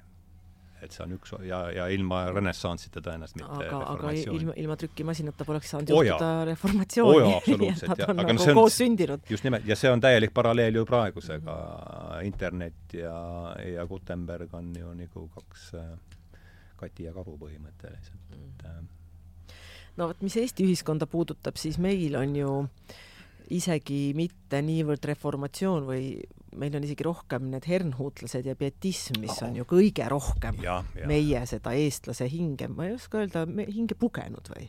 ja, ja, ja meid ja, mõjutanud, ma arvan, täiesti alateadlikult me, meie hoiakud ikkagi meie moraalihoiakud on, on äh, jah, kui gene-, geneoloogiat vaadata, et, et on hästi sinna tagasi minevad, et äh, erhuutlased kasvavad välja Böömi rahva, need on need Böömi vennad, eks? ja need ja, ja noh, mhm. need, need, seesama Vargamäe Andres kasvab sealt välja, et, et, mhm. et, et tee tööd ja näe vaeva mm. -hmm. ja, ja, ja see ongi. ja siis, siis tuleb õndsus, siis tuleb armastus, et mm, -hmm. et, et selline äh, noh, selline karneval sealt maailmast ju puudub, mis, mis vähemalt äh, muidu vähemalt mingisugusegi sellise auru väljalaskmise koha ju ja. andis ja maailmas pahupidi pööras ja et, et, et sel-, selles maailmas seda karnevalikultuuri enam mm -hmm. ei mhm. ole. mis on ju iseenesest väga vajalik ja mis mõnes mõttes muidugi noh, tänapäeva maailmas, kus kõik on niikuinii pahupidi, äh, on, on see karnevalikultuur muidugi mingi teise äärmuse saavutanud, aga aga, aga ma arvan jah, et, et me oleme, me oleme ikkagi väga reformatsiooni lapsed. ikka täiel määral. jah, ja siit, sealt meie et sealt meie kompleksid ja probleemid. kompleksid hakkavad ja et see pane äh,, pane Luteri lauluraamatule veel äh, seda, mis, mis kortel viina kõrvale ja vaata, mis sealt äh, välja tuleb. see on päris äh, lugu. mis teistpidi kindlasti on see, et tõepoolest, et seesama äh, seesama reformatsioon ju tegi inim-, eestlased haridusrahvaks. Et, et tänu sellele me võib-olla oleme üldse rahvana olemas. et, et ega kõige, kõigel on igal asjal on äh, valgus ja, vari, jah, see on täpselt äh, see viimane reformatsiooni küsimus on tulnud paljudega äh, üles, aga Kyriakos Markides, kelle raamatu me nüüd anname välja, Vaikuse mägi, tema, tema arutles siis niimoodi, et noh, üldse tema, et kolm krist-, kolm kristluse voolu, et et, et mis on nendest positiivset keskendus sellele, et katoliiklus säilitas lääne tsivilisatsiooni ja, ja, ja kloostrites siis äh, külvati teadusrevolutsiooni seemned. Mm, äh, siis noh, ilma reformatsioonita ei oleks meil demokraatiat ja, ja individualismi, noh, see on ka jälle need asjad, mida me võtame enesestmõistetavana. aga noh, tema ise on siis õigeuskliku taustalt, et ilma, ilma õigeusuta ei oleks meil äh, kogemuslikku, kogemuslikku või kogemusel põhinevat äh, religiooni põhimõtteliselt, jah. sest ma kuulasin nüüd David Mamee intervjuud siin, üks USA näitekirjanik, ta ütles väga hea ilusa kujundi, ta rääkis küll, ta rääkis küll juudi sellisest sekulaarsest judaismist, kuidas nad käivad sünagoogis, aga see, minu meelest see Luteri, Luteri kiriku kohta käib seal eriti hästi, et see on sama hea, kui läheksid lähed sokkidega vanni ja jätad ja muidugi ei, ei lase vettki sinna. et see, noh, see, see on see minu meelest see juur ma ei tea. ei no eks seal on nii palju erinevaid, see on nii kompleksne teema. see on kompleksne teema ja kas see, kuidagi jõudsime lõpuks sinna, jah, see hernhuutlused on võib-olla ja. minu jaoks isegi see jah, hernhuutlased ka. kas Tammsaare sellest otseselt, kas, eks me oleme selle ümber kiirenenud siin, aga see on kuidagi ilmselt seal ridade Tammsaare vahe... ja Jumal on täitsa eraldi teema, et on, see on nii huvitav teema iseenesest, et ma, me vist täna ei jõua seda siin väga pikalt lahata, aga, aga kindlasti on vale väide see, et Tammsaar oli ateist et, mhm. et seda hakati väga teadlikult juurutama neljakümnendatel no,, nõukogude ajal. Seda oli ideoloogiliselt vajalik teha ja, ja seetõttu korjati välja kõik, mis ta oli siis öelnud negatiivset religiooni kohta. Ja seda leidub omajagu Äh, aga ennekõike on see tegelikult kiriku ajaloo kriitika, et see on, ütleme siis inkvisi-, inkvisitsiooni kriitika, see on usuhulluse kriitika ja tegelikult ju Tammsaare jõuab selleni jällegi ka mm, nii tuhande üheksasaja viienda kui seitsmeteistkümnenda aasta revolutsiooniga seoses, et, et, et, et see on usuhullus, et see ei puuduta, see ei pea olema religioosne. et, et, et see, mis inimesed noh, hulluks ajab, on, on see liigne uskumine mm. -hmm. ja, ja et see usuhullus paneb sind tegema asju ja sa õigustama hirmsaid asju. nii nagu inkvisitsiooni sai ink,, ma ei suuda seda sõna praegu kuidagi millegipärast välja öelda normaalselt et, äh, et, et sa saidki õigustada noh, igasuguseid asju oma usuga ja, ja seitsmeteistkümnendal aastal tal on äh, üks väga traagiline niisugune lugu, meeletu mälestused, kus ta siis nagu äh, ühe nii-öelda, nii-öelda hulluks läinud vanamehe mm, meenutuste kaudu siis kirjeldab seda noh, ebainimlikkust, mida see kaasa tõi. ja no tegelikult ta ju kirjeldab seda ka Tõe ja õiguse kolmandas osas. ja, ja see oli ka põhjus, miks tema nii-öelda integreerimine Nõukogude kirjanduskaanonisse võttis aega, sest et ta oli revolutsioonikriitiline, aga tema näeb noh, neid täpselt samade asjadena, et, et, et need on usuhullused. ja, ja ta möönab, et inimene vajab mingit usku, et inimene mm -hmm. ei suuda ilma usuta, et, et talt võeti ära usk nagu jumalasse ja ta võttis revolutsiooni asemele. Et ta, et ta Muidugi, vajab, sekulaarne, sekulaarne et ta vajab religioon. midagi, millesse uskuda ja, ja et, et, et kus on usk, seal on alati need, kes lähevad sellega äärmusesse, seal on alati usuhullud ja need usuhullud õigustavad ka ebainimlikke tegusid sellega, et, et, et see on, ma ei oska siis öelda, nende nägemuses äh, vajalik selleks, et jõuda sinna lunastatud maailma, noh, selles mm -hmm. mõttes noh, kommunism ja, ja, ja, ja inkvisi-, inkvisi-, ma ei suuda seda inkvisitsioon. inkvisitsioon ei ole nagu eh, noh, üksteisest väga kaugel, eks ole mm. -hmm. oled nüüd tükk aega äh, kuulanud kõrvalt? Äh, põnevusega kuulanud, et et äh, ei noh, selles mõttes, eks need kommunistliku või sotsialistliku ideoloogia ja, ja siis äh, paralleele mingisuguse religiooniga on neid, neid mõtlejaid või, või äh, kriitikuid, neid on, neid on palju jah, et, et neid äh, tunnusjoone sarnaseid välja toonud, et et äh, ma ei tea, mul siin vaevalt midagi huvitavat midagi lisada on selles mõttes, et see no see on ikkagi see, et kui puudub niisugune kogemus, kui puudub kogemus Äh, siis on väga, no siis ju jääbki, siis jääbki ju järele usk, olgu see siis äh, Marxi Augustinusesse või tont teab kellesse, et siis jääb see, et noh, raamatus on nii kirjas, ju, ju ta siis ju, ju, nagu manifest ütleb. nagu manifest ütleb ja olgu see, olgu see siis mis tahes manifest, eks ja see samas annab kuidagi, inimesele tohutu turvatunde, et ta elab õigesti. ta peab ikkagi kuidagi kõnetama, et noh, ta noh, ilma kogemuseta äh, noh küll, aga noh, ta võib ikkagi sind ju kõnetada, et sa ei pea ju olema nagu selles mõttes äh, ma kujutan ette, et sa võid olla usklik ilma, ilma ilmutuse läbielanusena, sa võid olla ka tõsiuskne kommunist ilma ol-, olla noh, selles mõttes äh, läbi elanud või kogenud niisugust äh, orjastavat äh, töölisklassi elu, et,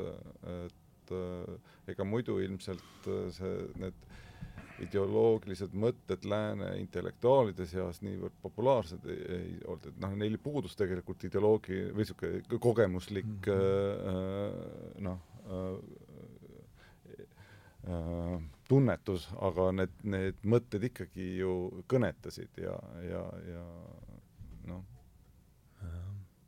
ja noh, on ju päris palju neid, noh palju, aga, aga noh, mõned, mõned, mis mul meelde tulevad, uurimused, mis on tehtud siis kirikuõpetajatest, kes noh, on julgenud tunnistada, et nad ei, nad ei usu Jumalasse ise, et et sa võid olla ikkagi selle masinavärgis osaline äh, äh, teha oma numbrid ära ja jah, aga aga siin tuleb ju ka ikkagi Nietzsche meil veel mängu, et, et nihilism, millest me ei jõudnud täna üldse rääkida, et see no nihilismi seostatakse, eks ole, Nietzschega, kuigi ta võib-olla tingimata ise ennast nihilistiks ei pidanud, aga aga tänapäeva maailm on igal juhul nihilistlik, et, et tänapäeva maailmas mõnes mõttes ju inimesed ei usu eriti paljudesse asjadesse, mis nende väärtushinnanguid nagu neid, ütleme seda sisemist moraali väga nagu määraks, et, et tänapäeva maailmas ikkagi väga palju on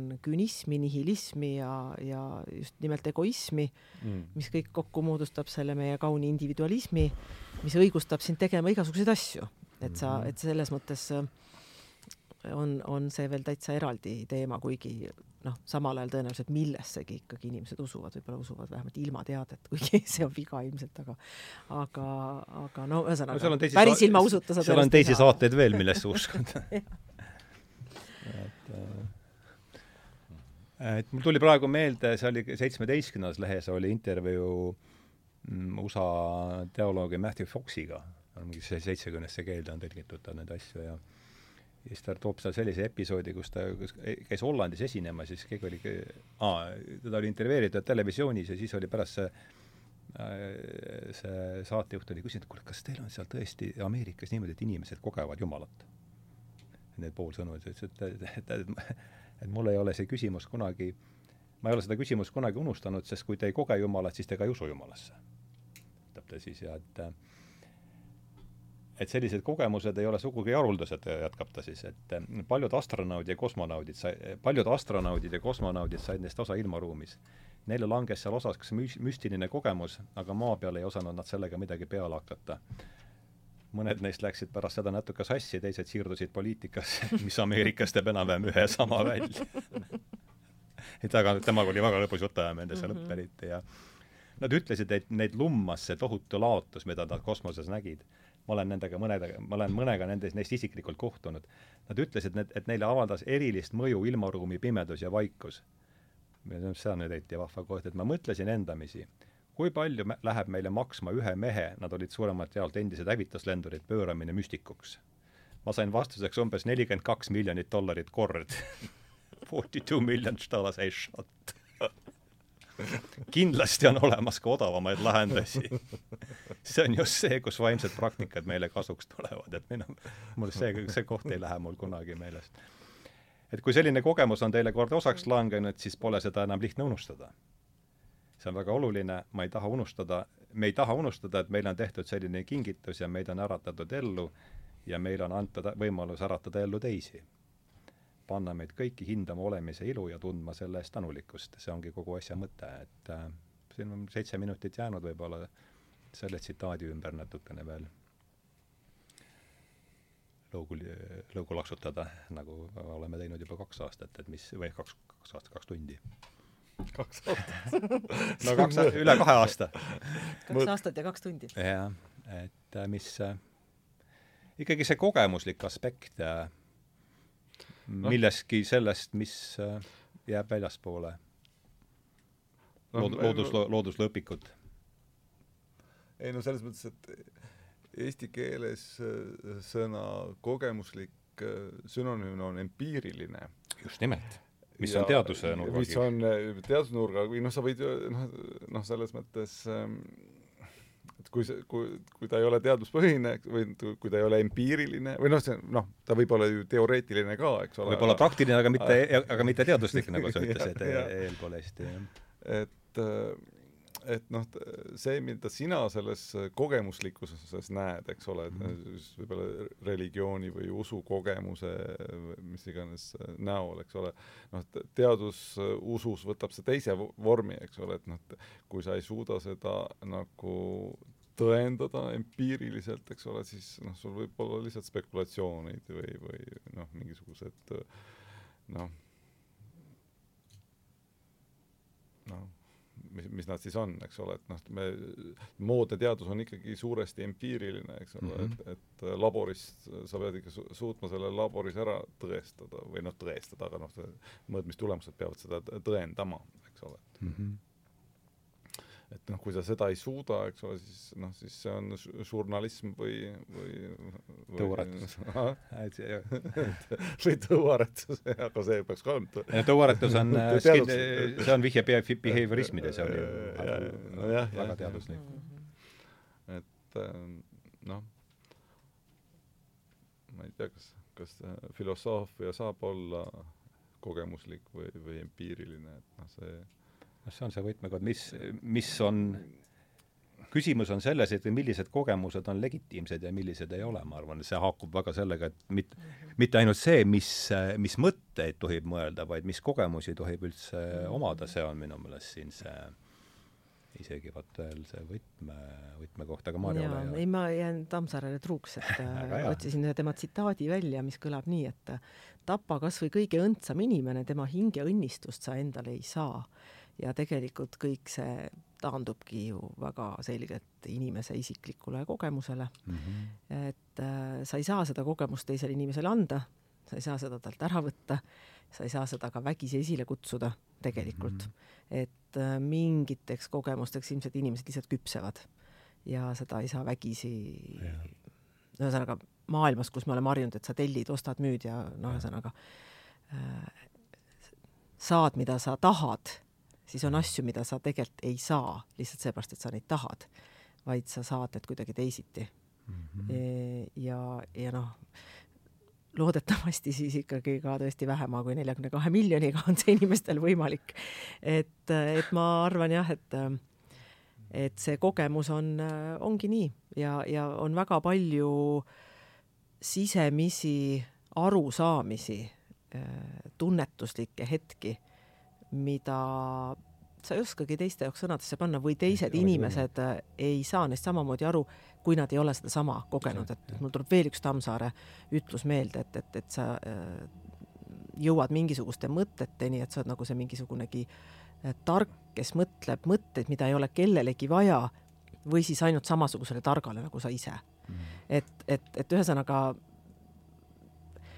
need on asjad, mis on mingid laused mis lähevad sulle korda siis, kui sa oled nendeks lauseteks valmis. ja muidu võivad nad olla väga sügavmõttelised, aga sind nad lihtsalt ei kõneta. just nimelt, ja sa võid olla neid lauseid kuulnud ja, kordi ja kordi, aga lugenud. ühe, ühel hetkel jõuab nad kohale. nii et, et see, see ongi see kogemuslikkus ja seda, seda me ei saagi, me ei saagi seda mõnes mõttes süstematiseerida ja. ega, ega ellu kutsuda. arusaamine ei tule käsu peale, ütleb Huxley ja see on minu meelest väga, väga täpne. jah kuulge, aga meil on siin viisteist, viiskümmend seitse, et kas on äh, midagi sellist, mida tahaksid, äh, aeg on nüüd lõppsõnaks, et kas on midagi sellist, mille, mis äh, kokkuvõtteks või, või mis siis või mida, või mida oleksite tahtnud öelda, aga ei ole jõudnud öelda? ja mina, mina ütlen ainult seda, et kui keegi on huvitatud Tammsaarest ja Nietzsche'st väga spetsiifiliselt, siis -hmm. kõige mõistlikum on lugeda sellist näidendit nagu Juudit ah,. ma võtsin kaasa ka äh, kommenteeritud väljaande, näitan seda siin äh,, selles kommenteeritud väl-, väljaandes on ära märgitud äh, mõned kohad, kus on ka otseselt mingisugusedki Nietzsche, Nietzsche seosed olemas ja, ja selles näidendis on no seal on mitmeid-mitmeid viiteid Nietzschele, aga, aga üks võib-olla teema, mida me Nietzschega seoses täna üldse ei puudutanud, aga mis mõnes mõttes on tal väga keskne, on see võimutahe. ja see ja. võimu küsimus ja see võimu temaatika. et, et vot seda on selles Juditis ka päris palju, et mm, -hmm. Et, et selline lihtsalt lugemissoovitus. jah, aitäh. Karmo? mul tuli siin viimati räägituga ja, ja, ja tegelikult seal on ka täitsa seos äh, Nietzschega äh, olemas, et Runnelil on üks luuletus niisugune lause, et kas ta, kas teab teadus, mis on headus mm,. jah, see on päris hea kokkuvõte sellest. jah, jah, jah. vaata, kui ilusti on äh,, nii lihtsalt on see põhiprobleem võetud kokku. nii, mis mul siis jäi siit või mul on siin Tammsaare essee Nietzsche'st tuhat üheksasada üheksa, jah. praktiline, aga mitte teaduslik, see on ka üks, see tuli sinult vist niisugune nii et äh, ja Andrese Kraavilabide filosoofia, mõõk ja peegel on trunn, ahah, jah. no mul, see käis siit küll läbi ja see haakub minu oma arvates selle kolmanda osaga, seda ütles Aleksander Eeri Laupmaa ühes äh, saates, et inimese, inimese kimbatust, et tegin täpselt nii, nagu televiisor ütles, aga nüüd on ikka olukord selline ja ma arvan, et see noh, see olukord jõuab äh, järjest, kui siin vaadata seda äh, majandus- ja kõike seda statistikat, et siis see ilmselt äh,, see asi on need sõnad võtavad nii üht, koma teist kokku, ma, ma arvan. aga äh, see pole, äh, ma ei jõua teid ära tänada. me saime avatud ke-, kevadhooaja ja küll on hea, et me saime, et see Tammsaare, see telg oli siin olemas, et meil on ikkagi oma inimene, kes on need asjad ingli-, eesti keeles eesti keeles sõnastanud ja ja konkreetse, see härra Põstri oli eriti, eriti huvitav niidiots, et ma olen, sikutan nüüd seda esimesel võimalusel, nimi on Nõmmes ka super, super hästi valitud tal sinna, nii et aitäh, aitäh, aitäh, aitäh, aitäh, Maarja Vaino, aitäh, Karmo Kruus. tõmbame siis äh, sellele hooaja esimesele vestlusele joone alla ja lähme lahku suuremate sõpradena, kui me enne olimegi. aitäh! aitäh, aitäh.!